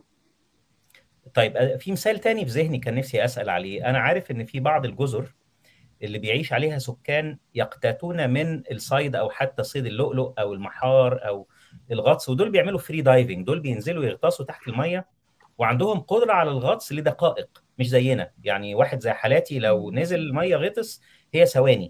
ومعظمنا كده. لكن دول عندهم قدرات مدهشه أنا شفت أفلام مخيفة. يعني دول بينزلوا يعوموا زي السمك تحت المية لدقائق طويلة جدا. ودي مش مساله تدريب يعني يصعب إن الواحد يتدرب اللي بيتدرب ممكن يعمل دقيقة دقيقتين ثلاثة بالكثير حاجة زي كده يعني. لكن دول بيولدوا بهذا الشكل حسب ما أنا فاهم. يمكن دكتور محمد عصفور. دكتور عصفور إيه رأيك في الكلام ده؟ هل ده هل ده نوع من ال adaptation اللي إحنا بنتكلم عليه؟ آه ده, ده انت طب ممكن تقفل الصورة احتمال ال bandwidth عندك مش مكفي صوت وصورة في نفس الوقت. فهطلب منك تخرج وتدخل تاني بس تدخل في الاستوديو بصورة بس عفوا بصوت بس لأنه ده ممكن يكون أسهل شوية. أنا حاسس إن ال bandwidth عندك مش مش مش قوي بشكل كافي. الدكتور عليا أهو دكتور محمد رجع تاني أهو. ورجع لا ارجع صوت بس سيبك من الصورة. اقفل الصورة يا دكتور محمد. اقفلها عندك في الاستوديو. هو أنا لما بقفل الصوت أنا لما بقفل الصورة عندي still بلاحظ المشكلة. هو أنا ب... المشكلة بلاحظ إنها بتختفي لما أنا أبقى لوحدي أنا في الشاشة. فمش عارف لو أستاذ حسام لو تقدر حضرتك تخ... طيب. أجرب. هحاول أقفل الصورة. طيب. دول في في قبائل موجودة في جنوب شرق آسيا دلوقتي حاليا يعني اسمها البجاو. البجاو دول عندهم هم شعوب بتعيش بيسموهم شعوب البحر بتعيش في المية عموما يعني لو لو حد راح بص عليهم في أندونيسيا مثلا أو أو جزر أندونيسيا أو ماليزيا أو الكلام ده أو أو أو بحث عنهم في الإنترنت أو حاجة أو بص عليهم هيلاقوا إنهم حرفيا بانيين بيوتهم في المية وبيعيشوا على اللي هم ينزلوا المية يجيبوا سمك ولؤلؤ وحاجات من دي ويطلعوا يبيعوها وهكذا. الناس دي عندهم قدرة عجيبة على ال على ال على الغطس. ايفن حتى بالتدريب انت ممكن توصل لقدرتهم على الغطس بالتدريب بس بعد مجهود شاق جدا. لكن دول الطفل الصغير بتاعهم لما يتولد كده ويلا يلا يا حبيبي ننزل المية بيبقى عنده نوعا ما مقارنة بأقرانه اللي في نفس السن بيبقى عنده قدرة أكتر على إنه إيه, إيه يغطس لفترات أطول.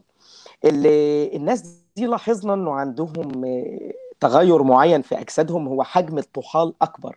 الطحال نوعا ما بيسموه مخزن خلايا الدم الحمراء. هو مسؤول إنك أنت مثلا لما تحتاج خلايا دم حمراء هو م... طيب دكتور محمد يبدو برضو ال connection عنده مش مساعداه بس ده ده مثال مهم ويرد على الأصدقاء اللي عمالين يكتبوا في اليوتيوب محتجين على الكلام وبيقول لك إن في فرق بين ال adaptation والتغيرات أو التغيرات الجينية اللي بتحصل. المثال اللي بيقوله الدكتور محمد مثال مهم لأنه بيوضح يعني في ناس كاتبة إنه التدريب ممكن يعمل ده. الناس لما تتدرب على تسلق الجبال لمدة ست شهور آه ده بيخليهم يتكيفوا ويتعودوا. لكن الفرق اللي دكتور محمد عصفور بيتكلم عليه هو فرق يلاحظ حتى في الطفل أول ما يولد وبينعكس في المثال اللي بيقول لنا على إنه الطحال بتاعه مختلف.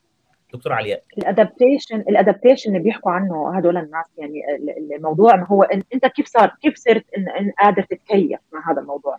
وهو لازم يكون صار عندك تغيرات معينة. البيئة قادرة إنها تسيطر أو إنها تأثر عليك بشكل معين تأثر على خلينا نحكي على الجينات. وهاي الجينات مع الوقت لما بصير في عندنا إحنا خلينا نقول يعني تغير في الجينات الجنسية قادر إنه إحنا نمرر هاي الجينات للجيل القادم. يعني أنت ممكن إنك أنت تتعود مثلا لفترة معينة لكن راح يكون في صعوبات. أنت بحاجة لتعمل manipulation تهيئ أنت البيئة اللي أنت بدك تعيش فيها لتقدر تتعايش معها. في فرق بين أنت تهيئ البيئة. وهذا اللي إحنا وهذا اللي على فكرة اللي مخلينا إحنا كبشر نعيش هاي الفترة وما نلاحظ فيه تغيرات. وإنه ما تطورت أشكالنا مثل ما البعض بيحكي لأنه إحنا قادرين إنه نسيطر على البيئة ونعمل نخلي إحنا نتحكم بالبيئة لنقدر نعيش. على عكس الكائنات الأخرى إنه هي قادرة تتأقلم مع البيئة مثل مثل ما كانت. وهذا وهذا الشيء اللي ممكن الناس إنها يعني ما قادرة تفرق بين إنه أنا أتكيف أنا قادرة أتكيف مثلا في بيئة خليني أحكي باردة جدا. بس أنا في البيئة الباردة محتاجة إني أنا أدفي حالي كويس. أستخدم مثلا أنواع من الملابس وما ما إلى ذلك لكن أنا بختلف ببنيتي عن الشخص اللي هو أساسا ولد في هاي البيئة وعاش في هاي البيئة. أنا على فكرة بلاحظها حتى بشكل خليني أحكي قريب جدا. لما أنا أحكي مثلا الدنيا برا برد إنه أنا مثلا لا ما بدي أطلع مشوار الدنيا برد وأنا ك يعني كمغتربه في ألمانيا. أولادي بالنسبة لهم هم ولدوا بهاي المنطقة بهاي الأماكن بيقولوا ماما مش برد مثل ما بتحكي. ممكن إنه هم لأنهم ولدوا في هذا المكان أجسامهم تعودت على هذا يعني على الوضع فهم ما بيحسوا إنه الموضوع بالنسبة لهم سيء. هم قادرين يتأقلموا. هذا إحنا بنحكي عنه تكيف. لكن إن أنت جيناتك تتغير وت... وتفرق في البنية الجينية عن شخص آخر مثلك هون بنحكي إنه فعلا صار والله ممكن شكل الطحال مثل ما حكى الدكتور محمد عصفور. ممكن الرئتين مثلا عند التبت الأهل التبت إنها أكبر من الرئتين اللي عندنا إحنا. بالتالي هم قادرين إنهم يخزنوا كمية أكسجين وياخذوا كمية أكسجين مثلا أقل من وما إلى ذلك من التغيرات اللي بتصير. يعني اللي أنا فهمته إنه التكيف ممكن يحصل في جيل واحد. ممكن أنا أروح عشان أتسلق جبال أتدرب لمدة ست شهور زي ما الأصدقاء اللي بيعلقوا بيقولوا. لكن تكيف على على فترة طويلة من الزمن لو رحت أعيش هناك واتجوزت هناك وخلفت هناك واولادي خلفوا هناك الأطفال بقى اللي هيجوا في أجيال لاحقة هيكون عندهم قدرة أكبر على العيشة في البيئة دي لأن هم مش بس تكيفوا بمعنى إن هم اتعودوا على البيئة لكن كمان في تغيرات حصلت في أجسامهم ساعدتهم على البقاء وده اللي أنتم بتقولوا إن هو بينعكس على التركيب كمان يعني بينعكس على الجينات وبينعكس على البنية بتاعت الإنسان. يا إما الرئة بتاعته بتبقى أكبر في حالات أو الطحال أكبر زي ما الدكتور محمد عصفور بيحكي. وده الايفوليوشن بقى ده التطور اللي بيحصل. نعم. تمام. ممكن محمد عصفور دكتور محمد عصفور يكمل موضوع اللي كان يحكي فيه لأنه مثال مهم أيضا. محمد سمعنا؟ أنا سامع آه أنا بس الصوت عندي بيقطع ومش عارف عندي كل شوية بقى بس معلش. اللي هو نفس الفكرة ان البجاو دولت عندهم. اتفضل. اتفضل. لا اتفضل أنا سامعك. okay okay. البجاو دولت عندهم اختلاف بسيط عننا إحنا ك... عن غيرنا من ال... عن غيرهم عن يعني عن غيرهم من ال... الجنس البشري اللي على كوكب الأرض إنه طحالهم زايد شوية في الحجم. إحنا لحد دلوقتي بنحاول ندور أو عندنا يعني إيه بدايات كده clue أو insights عن إيه اللي عامل إيه اللي مخليهم كده. هو ببساطة تغير جيني معين. التغير الجيني ده بيديهم ال...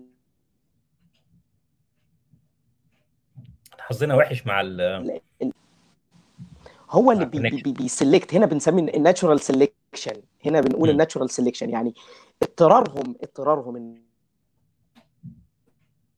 هم عشان يشوا ويجيبوا فلوس يعيشوا بين بقية البشر إن هم ينزلوا في المية ويجيبوا الحاجات دي من تحت المية ويبيعوها وهكذا. هو حظنا وحش مع دكتور محمد النهارده. طيب أعتقد إن إحنا يعني وضحنا النقطة دي يا دكتور علياء وبقى في عندنا فهم أفضل شوية.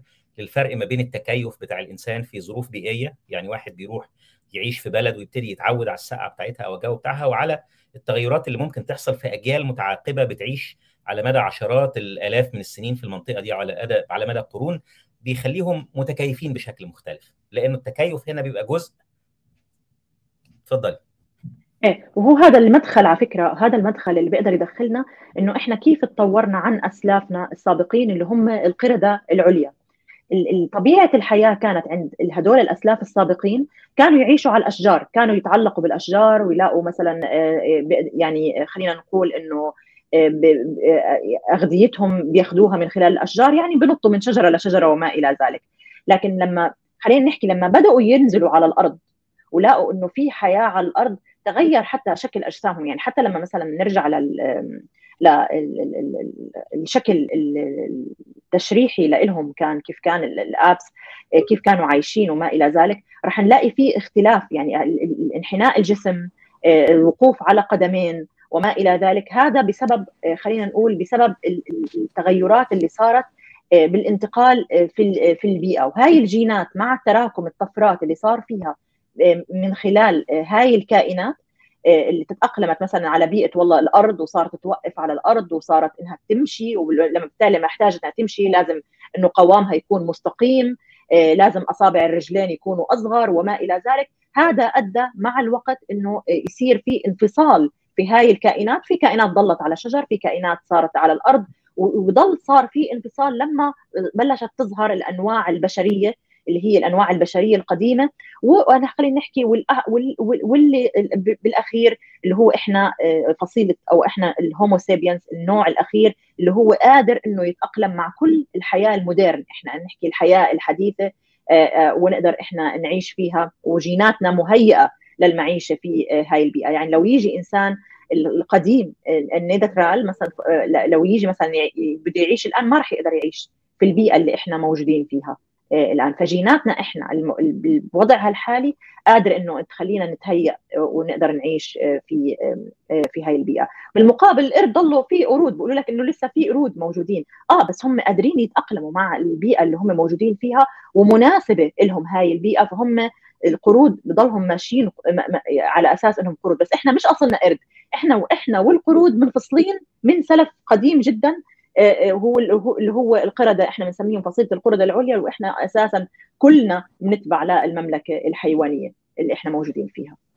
هو عشان كده سؤال الأرنب الأبيض ده كان مهم لما واحد قال لحضرتك إنه ما زال الأرنب الأبيض موجود ما هو الأرنب الأبيض موجود في بيئات يمكن أن يعيش فيها الأرنب الأبيض لكن هو اندثر من بيئات لا يستطيع أن يعيش فيها ويبدو إن الناس كمان فاهمة إنه لما بنقول إن في تطور بيتصوروا إنه بيجي لحظة كده ويتحول كل الكائنات من فصيلة إلى فصيلة ثانية يعني عندهم هذا التصور إن هو بيتم بتتابع وخلاص دول خلصوا بيبدأ حاجات تانية. وده برضو اللي بيطلع سؤال الأرنب الأبيض تاني. يعني إحنا ممكن نسميه سؤال الأرنب الأبيض لأنه سؤال فارق الحقيقة. في لأنه بيعكس مفهوم معين. هو فاهم إنهم بيبقوا كده وبعدين تاني يوم الصبح بدل ما يبقوا أرانب يبقوا خيول مثلا. يعني وده طبعا مش مش تصور حقيقي يعني. لا طبعا خلينا خلينا نسأل السؤال الصعب بقى. السؤال الصعب فعلا. يعني كل الحاجات اللي إحنا قلناها خاصة بالادابتيشن أو إحنا قلنا إيه التكيف. وقلنا إن التكيف ده على مستوى عشرات الآلاف من السنين في مجموعة معينة عايشة في مكان معين ممكن يسبب تغيرات في التركيب بتاعهم في البلو برنت في ال في, ال في الصياغة اللي موجودة جوه الخلية ويطلع كائنات بطبيعتها من ناحية رئتها تكوينها الخلوي لون جلدها بطبيعتها في المجمل ليها شكل مختلف شوية أو ليها خصائص عندهم خصائص وظيفية مختلفة. بس ده كله سواء كان الأرنب الأبيض أو كان الإنسان اللي بيطلع الجبال أو اللي بيتنفس تحت المية كل دول بيتموا في فصيلة واحدة. يعني كل الشواهد اللي إحنا قلناها بتتكلم على هذا التطور في فصيلة واحدة.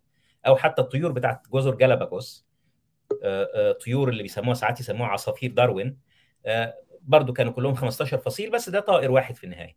لكن هل عندنا شواهد إنه في حاجات انتقالية؟ في انتقالات من من من فصيل من كائن لكائن؟ مفتوح السؤال اللي عايز يجاوب عليه بقى. يعني اتفضل يا دكتور علي. صوتك اخباره إيه دلوقتي؟ طيب ماشي. أنا بطالي بعدين الارنب الابيض مرة ثانية. آه آه في في في في طبعا دي دي كانت أحد التنبؤات النظرية يعني لما لما لما لما نقشت النظرية دي بشكل أكبر في حتى داروين وما بعد داروين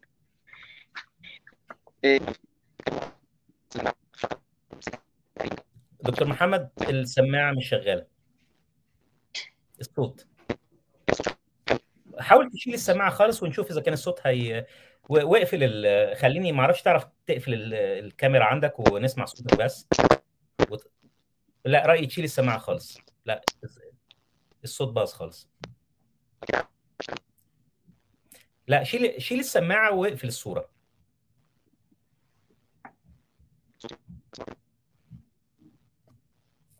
هتضطر تشيل الميكروفون. برضو؟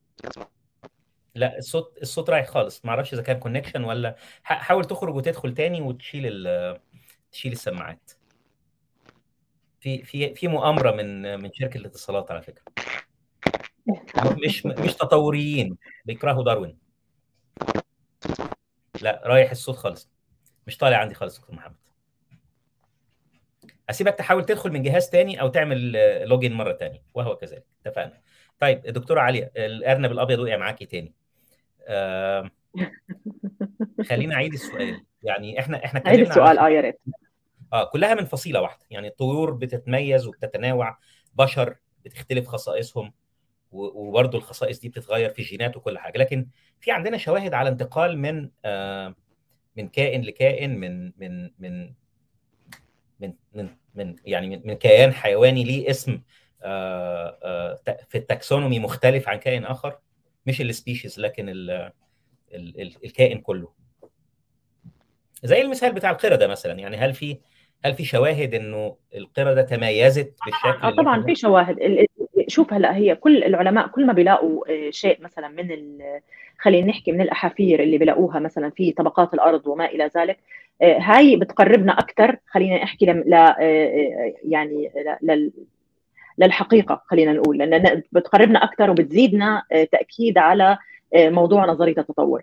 فطبعا مثلا الكائنات أو خلينا نحكي خلينا نحكي مثل القردة مثل آه، الإنسان القديم أو ما إلى ذلك. لما وجدوا مثلا هاي الأحافير وصاروا يقارنوا مثلا أشكال مثلا اختلاف مثلا آه، آه، أحجام الجماجم الفك مثلا ال- العظام آه، مثلا طولها آه، مثلا العمود الفقري مثلا وقدروا العلماء إنهم يرسموا صورة معينة لهي الكائنات لاحظوا آه من هنا طلعت فكرة الانتقال. هلأ في كائنات موجودة وخصوصا آه، خلينا نحكي بالممالك آه، مثل مثل الكائنات البحرية. آه، لاحظوا إنه هاي ال- الكائنات الانتقالية في كائنات انتقالية لساتها موجودة ككائنات بحرية. لكن ولكن أيضا خلينا نحكي اللي بدعم هذا الشيء ال- يعني بدعم هذا الشيء بشكل كثير كبير اللي هو طبعا وجود الأحافير. يمكن أمثلة أنا بحكي لك يعني مش أنا مش كل شيء مثلا بعلم الحيوان قادره إني أعرفه لكن أنا أكثر شيء بركز على الموضوع ال- ال- المتعلق بالمولكيولار بيولوجي يعني. لكن بتخيل أكيد علماء الحيوانات واللي بدرسوا هاي التغيرات واستنواع الحيوانات. يعني هو في علم كامل لدراسة استنواع الحيوانات ويقدروا يفصلوا هاي الحيوانات قادرين إنهم يعطوا تفسير آه، آه، طبعا آه، لكلامك وإجابة واضحة لهذا الكلام. تمام. دكتور محمد هل أنت حاول تجرب كده الميكروفون بتاعك؟ نسمعك تاني.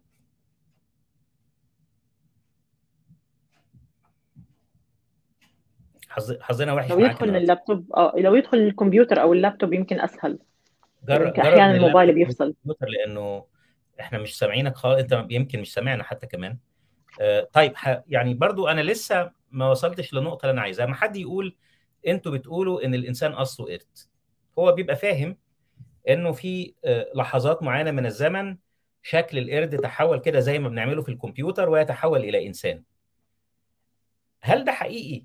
يعني إحنا إحنا لو لقطنا لو عملناها خلينا نسأل السؤال ده تاني يا دكتور محمد وأنت سامعه. لو عملناها بال animation مثلا آه، بصور 26 صورة في الثانية نقدر نعمل التحول ده شكليا على مدى دقيقة مثلا من خلال الأشكال المختلفة لأسلافنا آه، لو افترضنا إن إحنا من سلسلة أسلاف واحدة تمام؟ مع مع القرده العليا. آه، لو فردنا بقى التحول ده على مدى بدل بدل دقيقة و24 frame في الثانية إحنا بنتكلم على عشرات الآلاف من السنين. هل في differentiation واضح من كائن لكائن؟ لحد ما نوصل آه آه للإنسان؟ طبعا. آه طبعا آه طبعا. في الأحافير في الأحافير. أنا صوتي كده بسمعه كويس مبدئيا. آه مسموع. أفضل. تمام. طيب في الأحافير ال- الت- الت- التسلسل ده واضح أو الاختلافات دي واضحة بتبقى واضحة جدا في ال- في الأحافير اللي بنلاقيها. خلينا نكون واضحين. اولا عملية التحفر عملية يعني نادرة الحدوث. بمعنى إنه أنا لما بلاقي أحف... مش مش مش المفروض أو مش أو مش المنطقي بناء على فهمنا لعملية التحفر إن أنا ألاقي إيه, إيه مليارات الأحافير مرمية في الأرض. ده مش مش مش مش هيحصل. إحنا بنلاقي الأحافير بطلوع الروح. عملية التحفر عملية نادرة الحدوث. فبالتالي كون إن إحنا بنركز على خط واحد في مليارات الكائنات اللي عاشت على كوكب الأرض. دي يعني اللي هو خط تطور الجنس البشري أو الهوموسيبيان اللي هو الاسم العلمي ليهم. دي حاجة صعبة جدا جدا جدا. ولكن مع كل الصعوبة دي إحنا بنلاقي أحافير في الأرض بتحاول تربطنا بأسل... بتربطنا بأسلافنا. إيه ب... بنلاقي في الأحافير دي اختلافات أو أو أو ما, ما يمكن أن نطلق عليه اللي هي الأحافير الانتقالية. يعني إيه أحافير انتقالية؟ يعني ال... ال... الكائن ده في منه على يعني منه على ال على ال على الشمبانزي مثلا أو القرده العليا. يعني في مني أنا كجنس بشري على شوية من القرده العليا. هتلاقي مثلا إنه الكائن ده إيه مثلا بدأ يمشي على رجلين وفي نفس الوقت يعني كان بنلاقي, بنلاقي كائنات لها خصائص مختلفة عن كائنات أخرى من نفس فصيلتها ومقاربة لخصائص كائنات يفترض أنها ظهرت بز... بالظبط بالظبط آه بالظبط آه بلاقي كائن ببساطة دي دي فكرة الاحفور الانتقالية أو transitional fossils هي عبارة عن كائن هي أحد تنبؤات نظرية التطور. نظرية التطور لما قعدوا وناقشوا مع بعض طب يا جماعة إحنا ممكن نلاقي إيه يقول لنا إن إحنا بندور صح؟ قالوا إن إحنا هنلاقي المفروض المفروض بناء على فهمنا للنظريه لو التطور بيحصل بشكل تدريجي على مدار ملايين السنين إحنا المفروض نلاقي كائنات إيه فيها من ده على ده. يعني أنت لما تقول مثلا إنه القردة العليا والجنس البشري أو التشمبانزي والأورانجوتان والبونوبو قرده البونوبو لهم كلهم سلف مشترك والجنس البشري لهم كلهم سلف مشترك المفروض في السجل الأحفوري هتلاقي كائنات تجمع صفات من ده على ده أو من ده على الكائن اللي المفروض نتوقع إن هو common ancestor أو أو سلف مشترك ليهم. طيب هل إحنا لقينا الكلام ده؟ آه لقينا الكلام ده. وإن كان الموضوع يعني طبعا بيفضل صعب جدا ومتغير بشكل أو بآخر يعني إيه؟ أنا قصدي متغير. يعني انت حضرتك ممكن تلاقي النهارده كائن طلعنا بيه السماء وقلنا ده في من ده على ده. بعد سنتين ثلاثة إيه نفس العظم دي أو نفس الاحفوره دي عملنا عليها أبحاث يقول لك لا دي أقرب للقردة منها للبشر لا ده أقرب للبشر منه للقردة وهكذا. كل اللي بيحصل هو مجرد rearrangement تغييرات في مكان الكائن ده في السجل الأحفوري يعني في الشجرة التطورية. هنحطه هنا هنحطه هنا لا هو أقرب هنا أقرب هنا ده بناء على معرفتنا. إحنا معرفتنا بتتطور. ال instruments وال tools اللي بنشتغل بيها بتتطور بتدينا insights جديدة بتدينا نتائج جديدة. بيبدأ الموضوع يتطور. بس في الأول وفي الآخر بيفضل الكائن في من ده على ده. طيب أنا عندي سؤال تاني في نفس الحتة دي. أنا هفترض إن أنا لقيت كائن حسب خصائصه أنا مرتبه في سلم التطور باعتباره كائن A. كويس؟ نديله حرف A. ولقيت كائن تاني أنا لما رتبته كده قلت خلاص هديله راندا هو ده قبله فهديله حرف تاني هقول هسميه Y هل ممكن بعد كده ألاقي كائن تاني في النص أروح مسميه مثلا ال وبعدين بعد هل في نهاية للكائنات الوسيطة دي؟ ولا دي عملية ممكن طول الوقت ألاقي كائن مفيش لا ما في شيء ليميتد عرفت علي؟ لا. إحنا دائما إحنا دائما اكتشافاتنا يعني متتالية. يعني عارف إنه إحنا يعني العلماء بالظبط. يعني ما بدي أنا أحكي يوميا حتى ما ما أبالغ لكن العلماء دائما عم بيلاقوا شغلات جديدة تضيف إلى هاي الشجرة مع يعني كائن وبالتالي بتزيد معلوماتنا أكثر عن موضوع نظريه التطور. أنا في ممكن دليل أقوى من موضوع أنا أنا بالنسبة لي وخليني أكون متحيزة بهاي النقطة عن موضوع الأحافير اللي هي الجينات. يعني إحنا مثلا لما نلاقي إنه إحنا متشابهين مع ال ال ال مع الشمبانزي بنسبة 98% لدرجة حتى مش بس إنه إحنا التشابه الجيني إحنا بنحكي كمان إحنا وارثي هلأ في إيش اسمهم إيش اسمه الفيروسات القهقرية. هاي ال- ال- الكائنات ال- الفيروس لما يدخل على ال- الكائن الحي أو على الإنسان لما بيصيبه غالبا بيترك مثل هيك يعني مثل علامة ندبة في ال- في التسلسل الجيني. فأنت متخيل إنه إحنا هاي الندبة بنفس المكان بالتسلسل الجيني ال- ال- ال- المرض الفيروسي اللي صاب هذا الكائن الشمبانزي أو القرد أو ما إلى ذلك إحنا كمان وارثينه. إحنا كمان مورث يعني موجود بنفس المكان بنفس بنفس التسلسل. قصدك إن إحنا وارثين الفولنربيلتي لفيروس معين؟ قابليتنا للإصابة بفيروس معين؟ يعني يعني شوف أنا بدي أخ يعني حتى أبسطها للمتابع. يعني مثل كأنه هذا الكائن كتاب حياته اللي هو البصمة الوراثية تاعته سلمنا إياها. بس إحنا الاخت... يعني إحنا التشابه بيننا وبينه 98% يعني هذا الكائن صابه مثلا نوع من أنواع صابه نوع من أنواع الفيروسات. تركت علامات في التسلسل الجيني تاعه إحنا هاي العلامات وارثينها تمام يعني تمام. وارثينها يعني حتى يعني بنفس قديما المكان بنفس المكان بنفس التسلسل. بالتالي إنه هذا الشيء بيعطيك إنه لا إحنا يعني إحنا في إحنا يعني إحنا مندرجين من هدول من هدول الكائنات. يعني يعني خليني خليني أفهم دي كويس لأن دي نقطة مهمة جدا وغريبة جدا. آه، بعض الكائنات آه، المصنفة تاكسونوميا مصنفة في التصنيف ال- البيولوجي باعتبارها كائنات ليها اسم محدد وليها خصائص محددة. عندما درست وجد أن فيها آه، علامة معينة نتيجة لإصابة بفيروس أصاب كل هذه الكائنات. اصابها وهي عايشة وترك فيها علامة معينة. وفوجئنا إنه نفس العلامة موجودة في ال- المادة الوراثية بتاعتنا رغم أننا كبشر لم نصب بها ولكن اللي أصيب بها هذه ال ال هذا النوع من الكائنات. هل هل أنا فاهم كده صح؟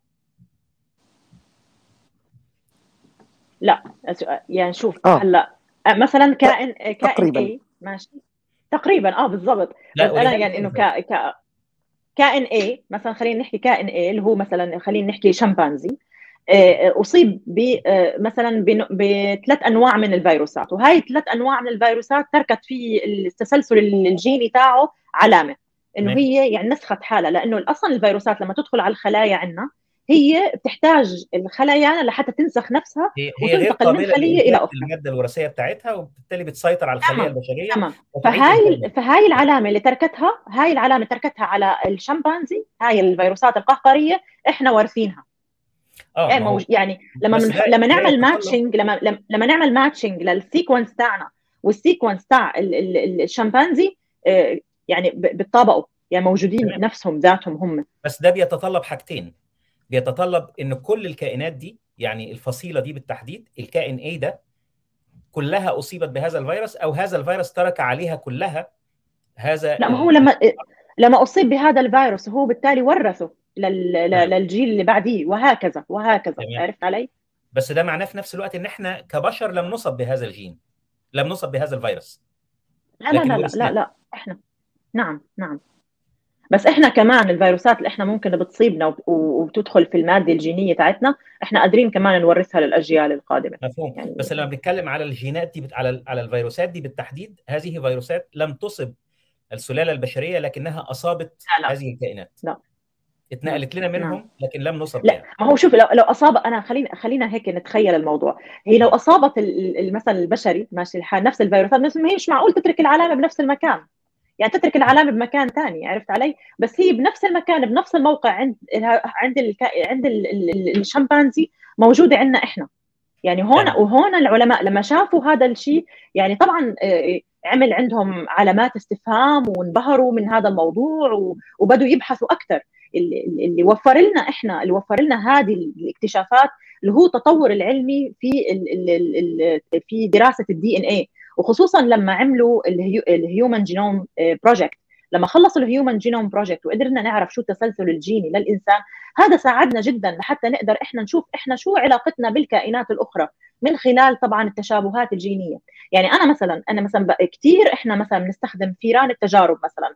في تجاربنا مثلا. ليش؟ لأنه في تشابهات جينية كبيره كبيرة بيننا وبين الفيران لحتى نقدر إحنا نحدد إنه okay أنا ممكن إذا أنا أعطيت الفأر مثلا هذا هذا الدواء أو ما إلى ذلك قادر إنه يتفاعل بشكل ما بشابه الإنسان. بالتالي إحنا لما نيجي ننتقل لتجارب مثلا هذا الدواء على البشر قادرين نعرف إنه قديش ممكن يكون آمن أو مثلا قديش. هل يا ترى رح يعمل مشاكل أو لا.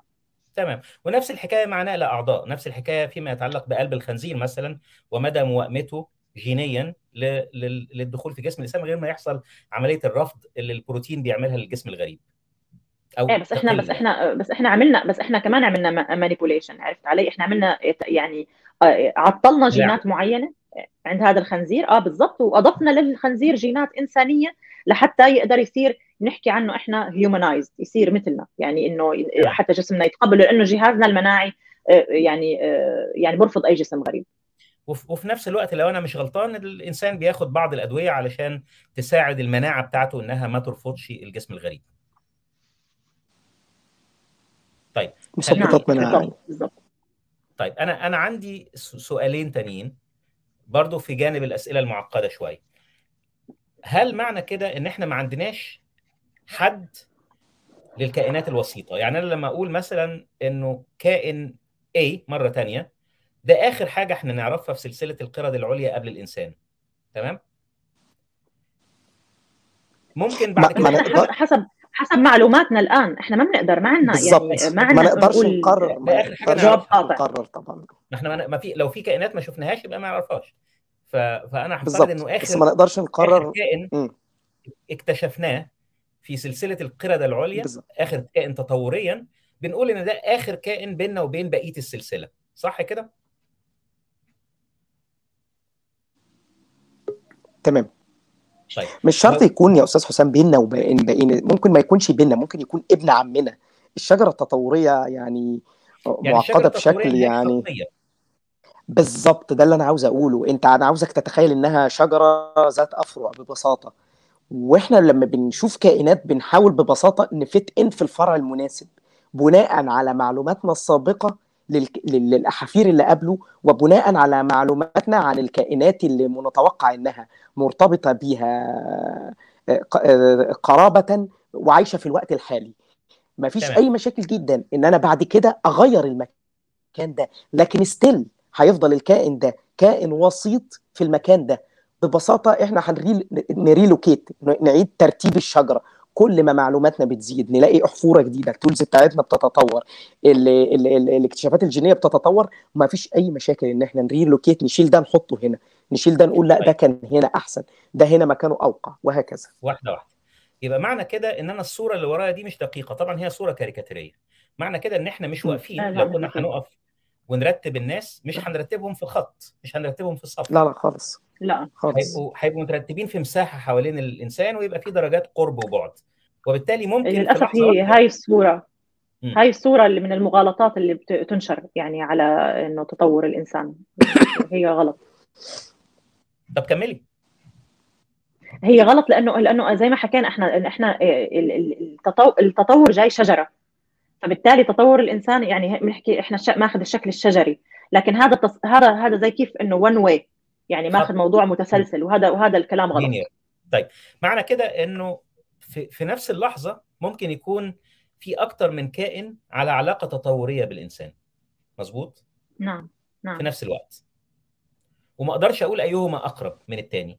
في درجات ما من القرب في حاجات معينة بس إحنا أقرب أقرب شيء لنا أقرب شيء لنا اللي هم ال- اللي هم الشمبانزي وال لا اسمه أنا فاهم قصده أستاذ حسام الدكتور علياء. الدكتور آه، تفضل حسام آه. قصده ما ب- ما بينهما ما بينهما لا نقدر نحط نقول ده غالبا أقرب لينا ده أبعد مننا وهكذا. ولكن مش بدرجة اليقين اللي الناس فاكراها. لا واحدة طيب هل أقدر أقول أستاذ ده هل أقدر أقول ده الأقرب لينا؟ واحد بس يعني يعني يعني كائن محدد وموصف في التاكسونومي واقول ده آه ممكن ممكن آه طبعا آه طبعا ممكن تقول الكلام ده ولكن برضه نرجع ونقول مفيش مشاكل إن أنا بعد مثلا عشر سنين تطلع اكتشافات تانية تبعده عننا شوية نلاقي حد أقرب وهكذا.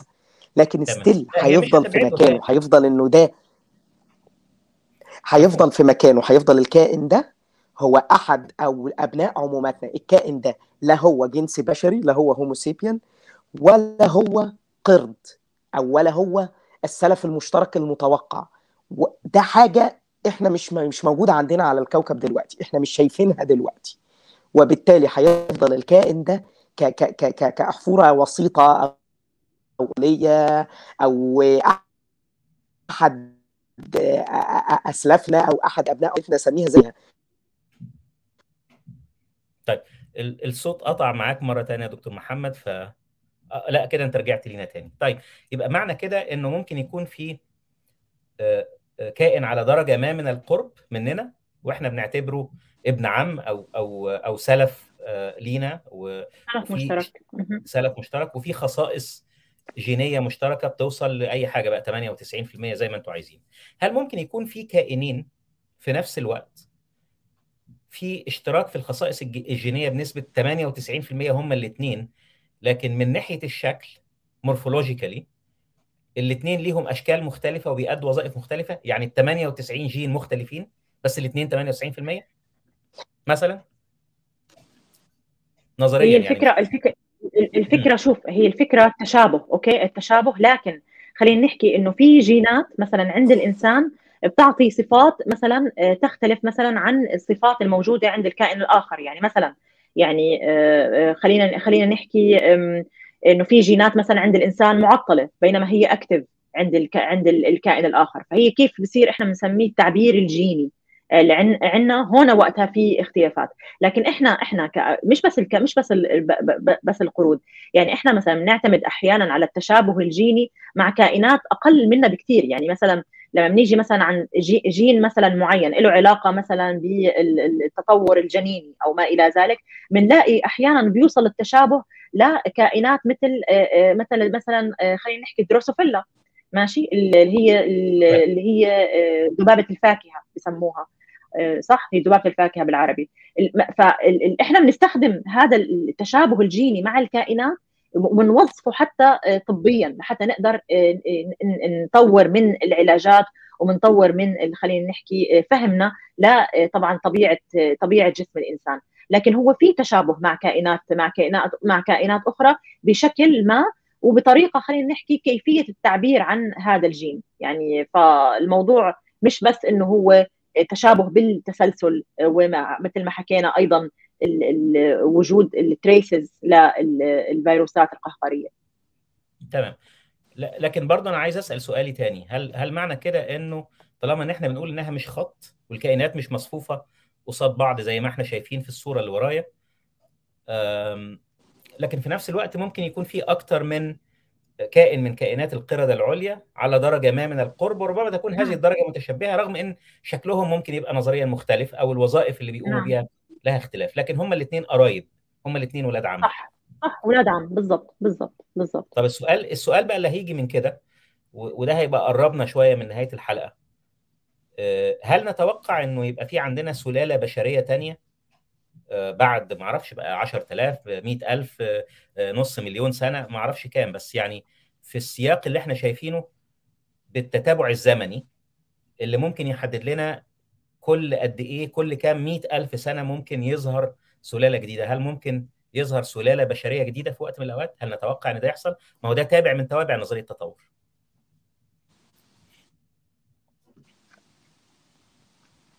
دكتور محمد عصفور يمكن عشانه كان لا أنا مش موجود. ما أعرفش اللي يحب فيكم يجاوب على السؤال اتفضل.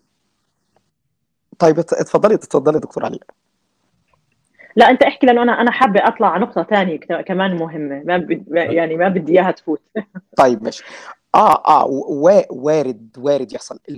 الفكرة أستاذ حسام إن إحنا لحد دلوقتي يعني حتى إحنا لما بنتكلم بنقول يعني random mutation بنوصف ال mutations اللي بتحصل بإنها عشوائية. إحنا بنوصفها بإنها عشوائية لأن إحنا ببساطة مش قادرين نتنبأ بيها مش قادرين نشوف هي بتحصل ليه وإن كان عندنا بعض التنبؤات مثلا عن ال rate بتاعها بتحصل كل قد إيه في ظل في ظل ظروف طبيعية عادية جدا. يعني أنا ما بتكلمش عن كوارث طبيعية مثلا بتغير اللي, بتعمل mutation بشكل أسرع زي مثلا كارثة تشيرنوبل مثلا ولا ولا ولا وهكذا أو القنبلة الذرية أو أو القنبلة النووية عفوا أو أو أو. ولكن في الطبيعي إحنا بنتنبأ اللي, اللي, اللي عندنا تنبؤ الريت أو المعدل اللي بتحصل بيه الطفرات دي. لكن ليه بتحصل؟ إيه اللي بيغيرها؟ إيه؟ ما نعرفش على فبنسميها عشوائية. طول ما إحنا طول ما إحنا الموضوع موصوف بالعشوائية اتفضل. كمل كمل. آه طول ما الموضوع موصوف لحد دلوقتي بالعشوائية آه، مش هنقدر نقول آه يقينا ولا لا يقينا ولكن وارد جدا وارد جدا إنه يظهر هومو غير اللي موجود دلوقتي بسبب أي ظرف وارد يحصل وإن كان حاليا يعني عارف أنت ممكن تستبعد الكلام ده ليه؟ لأنه إحنا بقينا متحكمين بشكل رهيب في حياتنا إحنا بنعالج أمراضنا إحنا بن بن بنعالج غذائنا غذائنا إحنا بنعدله جينيا عشان يتناسب مع حياتنا. بننتج أغذية معدلة وراثيا. و و و فما بنسيبش نوعا ما الطبيعة تتحكم فينا بشكل كبير. ولكن ما حدش عارف هل في حاجة إحنا عمالين نلعب فيها دلوقتي ممكن بشكل أو بآخر تغيرنا لا نعلم لا نعلم. يعني لكن وارد يعني هذا يعني بنسميه هذا اللي بنسميه cultural evolution لأنه إحنا قد إنه إحنا قد إيه إحنا قادرين نتحكم بالبيئة اللي حوالينا ونعمل manipulation بالغذاء بالدواء وما إلى ذلك. لدرجة إنه في في القديم الإنسان القديم اللي قبلنا الأمراض هي اللي كانت تحدد خلينا نحكي بقاء هذا الإنسان أم لا. لكن إحنا إحنا بوجود الأدوية قادرين مش مخلين الأمراض يعني تطور فينا. إنه أو خلينا نحكي إنه تؤدي إلى حصول مثلا تطورات أو والله إحنا ننقرض أو ما إلى ذلك. لا بالعكس إحنا قادرين نتحكم بالموضوع. وهي على فكرة في شغلة كثير مهمة لازم الناس تعرفها. كل ما كانت إحنا البشر عددنا كثير كبير. ما بعرف قديش وصل رقم عدد السكان على الأرض. فكل ما كانت كل ما كان العدد قليل كل ما كان العدد قليل كل ما قدرنا نشوف التغيرات الجينية بشكل أكثر يعني نشوف الفينوتايب نشوف شو كيف صار في تغير مثلا بالشكل أو تغير في مثلا البنية أو ما إلى ذلك. ف وهذا الشيء ما راح نقدر نرصده الآن. عشان هيك لما يسألوا الناس إنه هل الإنسان بيتطور؟ آه الإنسان لساته بيتطور. لكن التطور جدا جدا بطيء لأنه إحنا عددنا كثير كبير. مش قادرين إحنا نرصد هذا التطور. وأيضا إحنا قادرين نتحكم بالبيئة اللي إحنا موجودين فيها. بالتالي إحنا مش سامحين لها إنها تأثر في تطورنا. لكن هل إنه ممكن إحنا بعد مئة ألف سنة يكون ظهر سوبر هيومن؟ بيختلف نختلف عنه؟ آه أكيد. ف وفي, وفي شغلة مهمة ممكن أنا بضيفها بعدين إنه الطفرات بقول لك إنه الطفرات هي غالبا بتكون سيئة بتؤدي إلى بتؤدي إلى موت خلينا نحكي أو انقراض مثلا الكائنات الحية أو موت الكائنات أو ما إلى ذلك. لا بس في مجموعات موجودة في مثل ما ذكرنا إحنا سابقا في مجموعات رصدوا العلماء طفرات فيها هاي الطفرات خلت هاي المجموعات تقدر تعيش. خلينا نحكي مثلا في إفريقيا وانتشار الملاريا. لدرجة إنه انتشار الملاريا في إفريقيا أدى إلى ظهور طفرة يعني على إحنا بنحكي عنها diploid يعني two copy على ال على ال allele ين الكروموسوم الكروموسوم دائما بيكون بيحمل جينات copy واحدة أو تنتين copy بيكونوا على على الكروموسومين. فأدى إنه ال ال ال إنه في طفرة معينة بتحصل بالهيموجلوبين بتخلي الخلايا الحمراء شكلها منجلي اللي هي الأنيميا المنجلية. وهاي الأنيميا المنجلية بتخليهم مقاومين إذا ظهر هذه الطفرة على الجينين على ال two copy هاي الطفرة بتخليهم مقاومين للملاريا بنسبة 93% هاي هون بنحكي هون الطفرات اللي تراكمت في هاي في, هدول السكان في هاي البيئة اللي بتنتشر فيها الملاريا أدت إنهم هم يكونوا مقاومين للملاريا. في طفرة ثانية كمان لاحظوها في مجموعة معينة أدت إلى زيادة كثافة العظام وقوتها. وهاي لاحظوها مثلا بشخص أصيب في حادث سيارة والسيارة إنها يعني هذا الحادث المفروض إنه يؤدي إنه الشخص تكسر عظامه لكن ما لاحظوا عنده ولا كسر. فهذا حير العلماء. فلما بحثوا لقوا إنه عنده جين معين هو ال آر بي 5 هذا ال آر بي 5 حاصلة فيه طفرة أدت إنه تخلي العظم أسمك وأقوى. ولاحظوا إنه هذا الجين منتشر في كل عائلته. يعني عملوا فحص جيني أو تسلسل جيني للعائلة ومجموعة كبيرة من اللي هو مثلا الموجوده فيها. لقوا إنه عندهم عظامهم سميكه وقوية ولا واحد منهم خلال جيلين تقريبا صار عنده كسر كسر عظم. في أيضا نوع من أنواع الطفرات حصلت عند جماعة عند مجموعة في ميلانو. إحنا بنسميها اللي هي apolipoprotein. A A Milano. فهذا هاي الطفرة اللي عند هاي المجموعة بسبب طبيعة طبيعة معيشتهم ونوعية الأكل عندهم أدت إلى حصول طفرة في بروتين معين. هذا البروتين بيؤدي إنه يحمل أو ينقل الكوليسترول في الدم. فلاحظوا إنه هذا هذا البروتين صاير فيه طفرة بالتالي الكوليسترول عندهم ما بيتراكم. في في في الأوعية الدموية. فهاي هاي التغيرات اللي بتصير عند هاي السكان بتؤدي فعلا إنه يصير إنه نحكي إنه هذا التطور موجود بشكل أو بآخر. عشان نرجع النقطة لسياقها والناس تبقى فاهمة ليه ذكرتي حضرتك الأمثلة دي على ما يبدو إنه ال evolution التطور عبارة عن تفاعل بين الإنسان والبيئة. في وقت نعم. من الأوقات الظروف اللي كانت بتفرضها البيئة على الإنسان كانت بتساعد في انتقاء البشر اللي عندهم قدرة على المدى البعيد على التماهي مع الطبيعة أو على التكيف معها لما الإنسان بقى عنده قدرة إن هو يتحكم في الطبيعة ما بقتش الطبيعة بتفرض هذا التطور بنفس الدرجة لأنه بقى بيعالج الأمراض اللي بتخليه اللي بتخلي الناس اللي جيناتها أفضل تقاومها مثلا بقينا بنقدر نعمل ده بالأدوية وبالتالي ده بيقلل احتمال إنه يتم انتقاء مجموعات بشرية خصائصها الجينية أفضل تنقلها لناس أخرى وبالتالي هذا الانتقاء المتدرج هو اللي بيساعد على ظهور سلالات لها خصائص جديدة. ده ما بيحصلش لأن إحنا بنسيطر على الطبيعة. بس طبعا في نفس الوقت زي ما الدكتور محمد بيقول إحنا بنلعب في حاجات كتير في الطبيعة بتاعتنا. والحاجات دي لما بنلعب فيها ممكن برضو تلعب في الجينات زي إن إحنا بنستخدم الأغذية المهندسة وراثيا زي إن إحنا بنتعرض لاشعاعات بنتعرض لموجات راديو بنتعرض لبلوتوث بنتعرض لحاجات كتيرة أحيانا ما بنبقاش عارفين ال consequences بتاعتها هتبقى إيه. آه سؤال حضرتك بس عن ال عن التعداد بتاع السكان العالم. ال world clock دلوقتي بتقول 7 بليون أو 7 مليار 923 مليون 640 ألف و40 قصدي 45 في ولادات. في ولادات. كنت متصور إن إحنا ممكن نوصل 8 بليون وإحنا بنتكلم بس شكلها هتاخد وقت. فطيب آه انت متخيل هذا لا العدد؟ لا متخيل هذا العدد؟ ما فينا نرصد التغيرات الجينية. هو بيصير في في تغيرات جينية لكن ما فينا بسهولة نرصده. لازم لازم تكون الأعداد قليلة لحتى نشوف فعلا صار في تغير. وهذا اللي صار في الانسان في ال في, ال في الإنسان اللي قبلنا إنه كان أعدادهم قليلة حصلت عندهم تغيرات أدت إنه انه هم بالأخير ينقرضوا وإحنا نحل محلهم.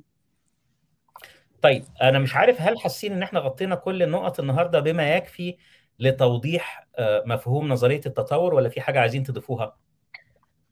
هو المو... هو نظرية التطور موضوع فيها بطول بالتالي يعني إحنا حاولنا نغطي خلينا نحكي بعض الأمور الشائكة اللي عند الناس من ناحية إنه مفهوم نظرية شو يعني طفرات عشوائية شو هل في طفرات نافعة أم لا كيف إحنا انحدرنا شو الأدلة اللي ممكن. لكن بتخيل إنه موضوع التطور بيحتاج إلى حلقات لنقدر نغطي كل الأصعدة. بتخيل حتى الدكتور محمد عصفور إحنا عندنا كثير نقاشات في هذا الموضوع ولم ينتهي ولن ينتهي.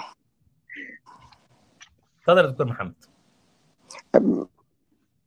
التطور ببساطة يعني إحنا كل اللي إحنا عاوزين نقوله يعني ننفتح على العلم بشكل أو بآخر. ما فيش أي مشاكل إنه إنه إنه اللي عايز يسمع يسمع من ده وده لكن يسمع الرأي المناسب له واسمع الرأي المخالف ليك. لكن في الأول وفي الآخر لما عايز تتثبت من صحة حاجة بص روح لأشخاص في المجال مختصين واسألهم تمام. ببساطة. يعني ما يعني تسالش اي حد. الرفض التلقائي اللي بيحصل عند الناس أو يعني نشر مفاهيم مغلوطه بيبقى فيه مشكلة. أنا عندي عدد آه من طبعا. الأصدقاء دخلوا ال back studio عادة أنا بسمح بنوع من التفاعل والناس بتسأل بس أنا يعني سمحت لنفسي النهارده إن أنا أحاول أحتفظ بالسياق علشان بس ما يحصلش تشتت كتير لأن أنا كمان شايف هجوم في التعليقات من عدد من اللي أنت بتسميهم رافضين بدون أي مناقشة ومحبي الدكتور إياد قنيبي اللي ربما أخصص لأفكاره العظيمة حلقة في وقت من الأوقات يعني. لكن خليني آخد تعليق واحد بس من أحد من الأصدقاء من ال back studio. أنا هنقي حد يكون يعني طالع بوشه لأن أنا برضو طالع عندي أسماء كتيرة والناس مغطية الشاشات. الصديقة الأستاذة نجمة بقى لها فترة معانا وسامعة الحلقة ومتابعاها. فهرحب بيها على الشاشة وأشوف إذا كانت عايزة تضيف حاجة أو تسأل سؤال أو تعقب. وبرضه حضرتك قدم لنا نفسك أنا ما أعرفش حضرتك مهتمة بالعلم ولا عندك خلفية في هذا المجال. اتفضلي أول شيء أنا سعيدة جدا ألف شكر لك على الفرصة إني أحكي. وأنا أنا من أنا فلسطينية من إسرائيل اليوم إسرائيل. أنا بالأصل عربية فلسطينية بعمل دكتوراه اليوم في والفحص تبعي هو العلاقة ما بين نظرية التطور والإيمان والإسلام بالذات. فعشان هيك الموضوع بالضبط الموضوع بحثي يعني. فجدا بكون فخورة جدا بكون فخورة في نساء متدينات لاني أنا كيف شايف أنت مش متدينة.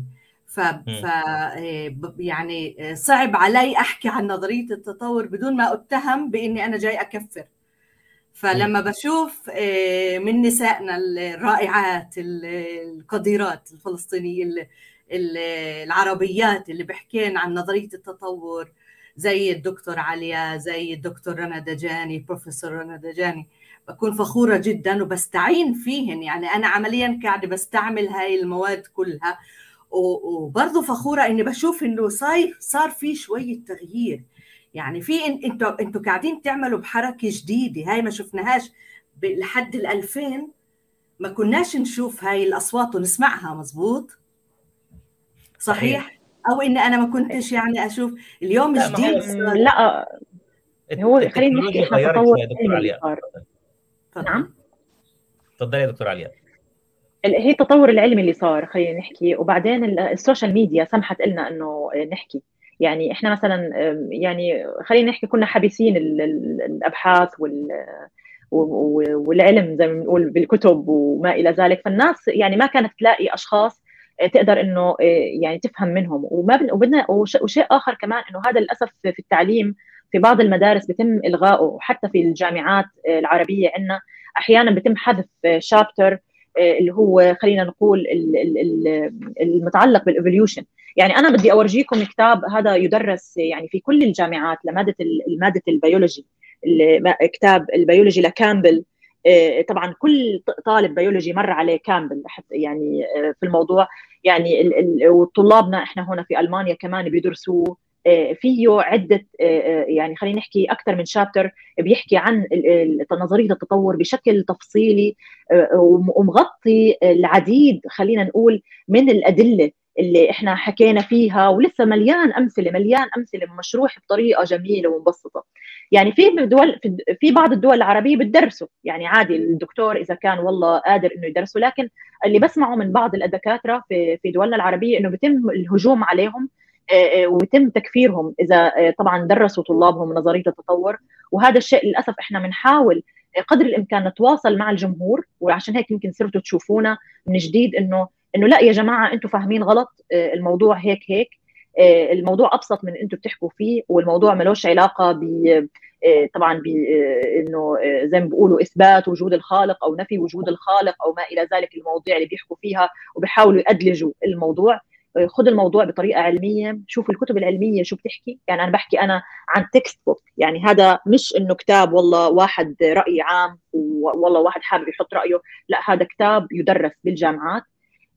فالموضوع يعني أسهل من هيك بكثير فأنا بتمنى فعلا إنه طلابنا والطلاب العرب والناس اللي عم بيسمعونا بالضبط هذا كتاب كامل من أروع الكتب. أنا دائما هذا الكتاب يعني لصيقي بحبه. إنه يحاولوا يدرسوا على الشاشة برضه عشان موضوعية. عشان الأصدقاء اللي في كلاب هاوس يعرفوا أنا مطلع صورته على الشاشة.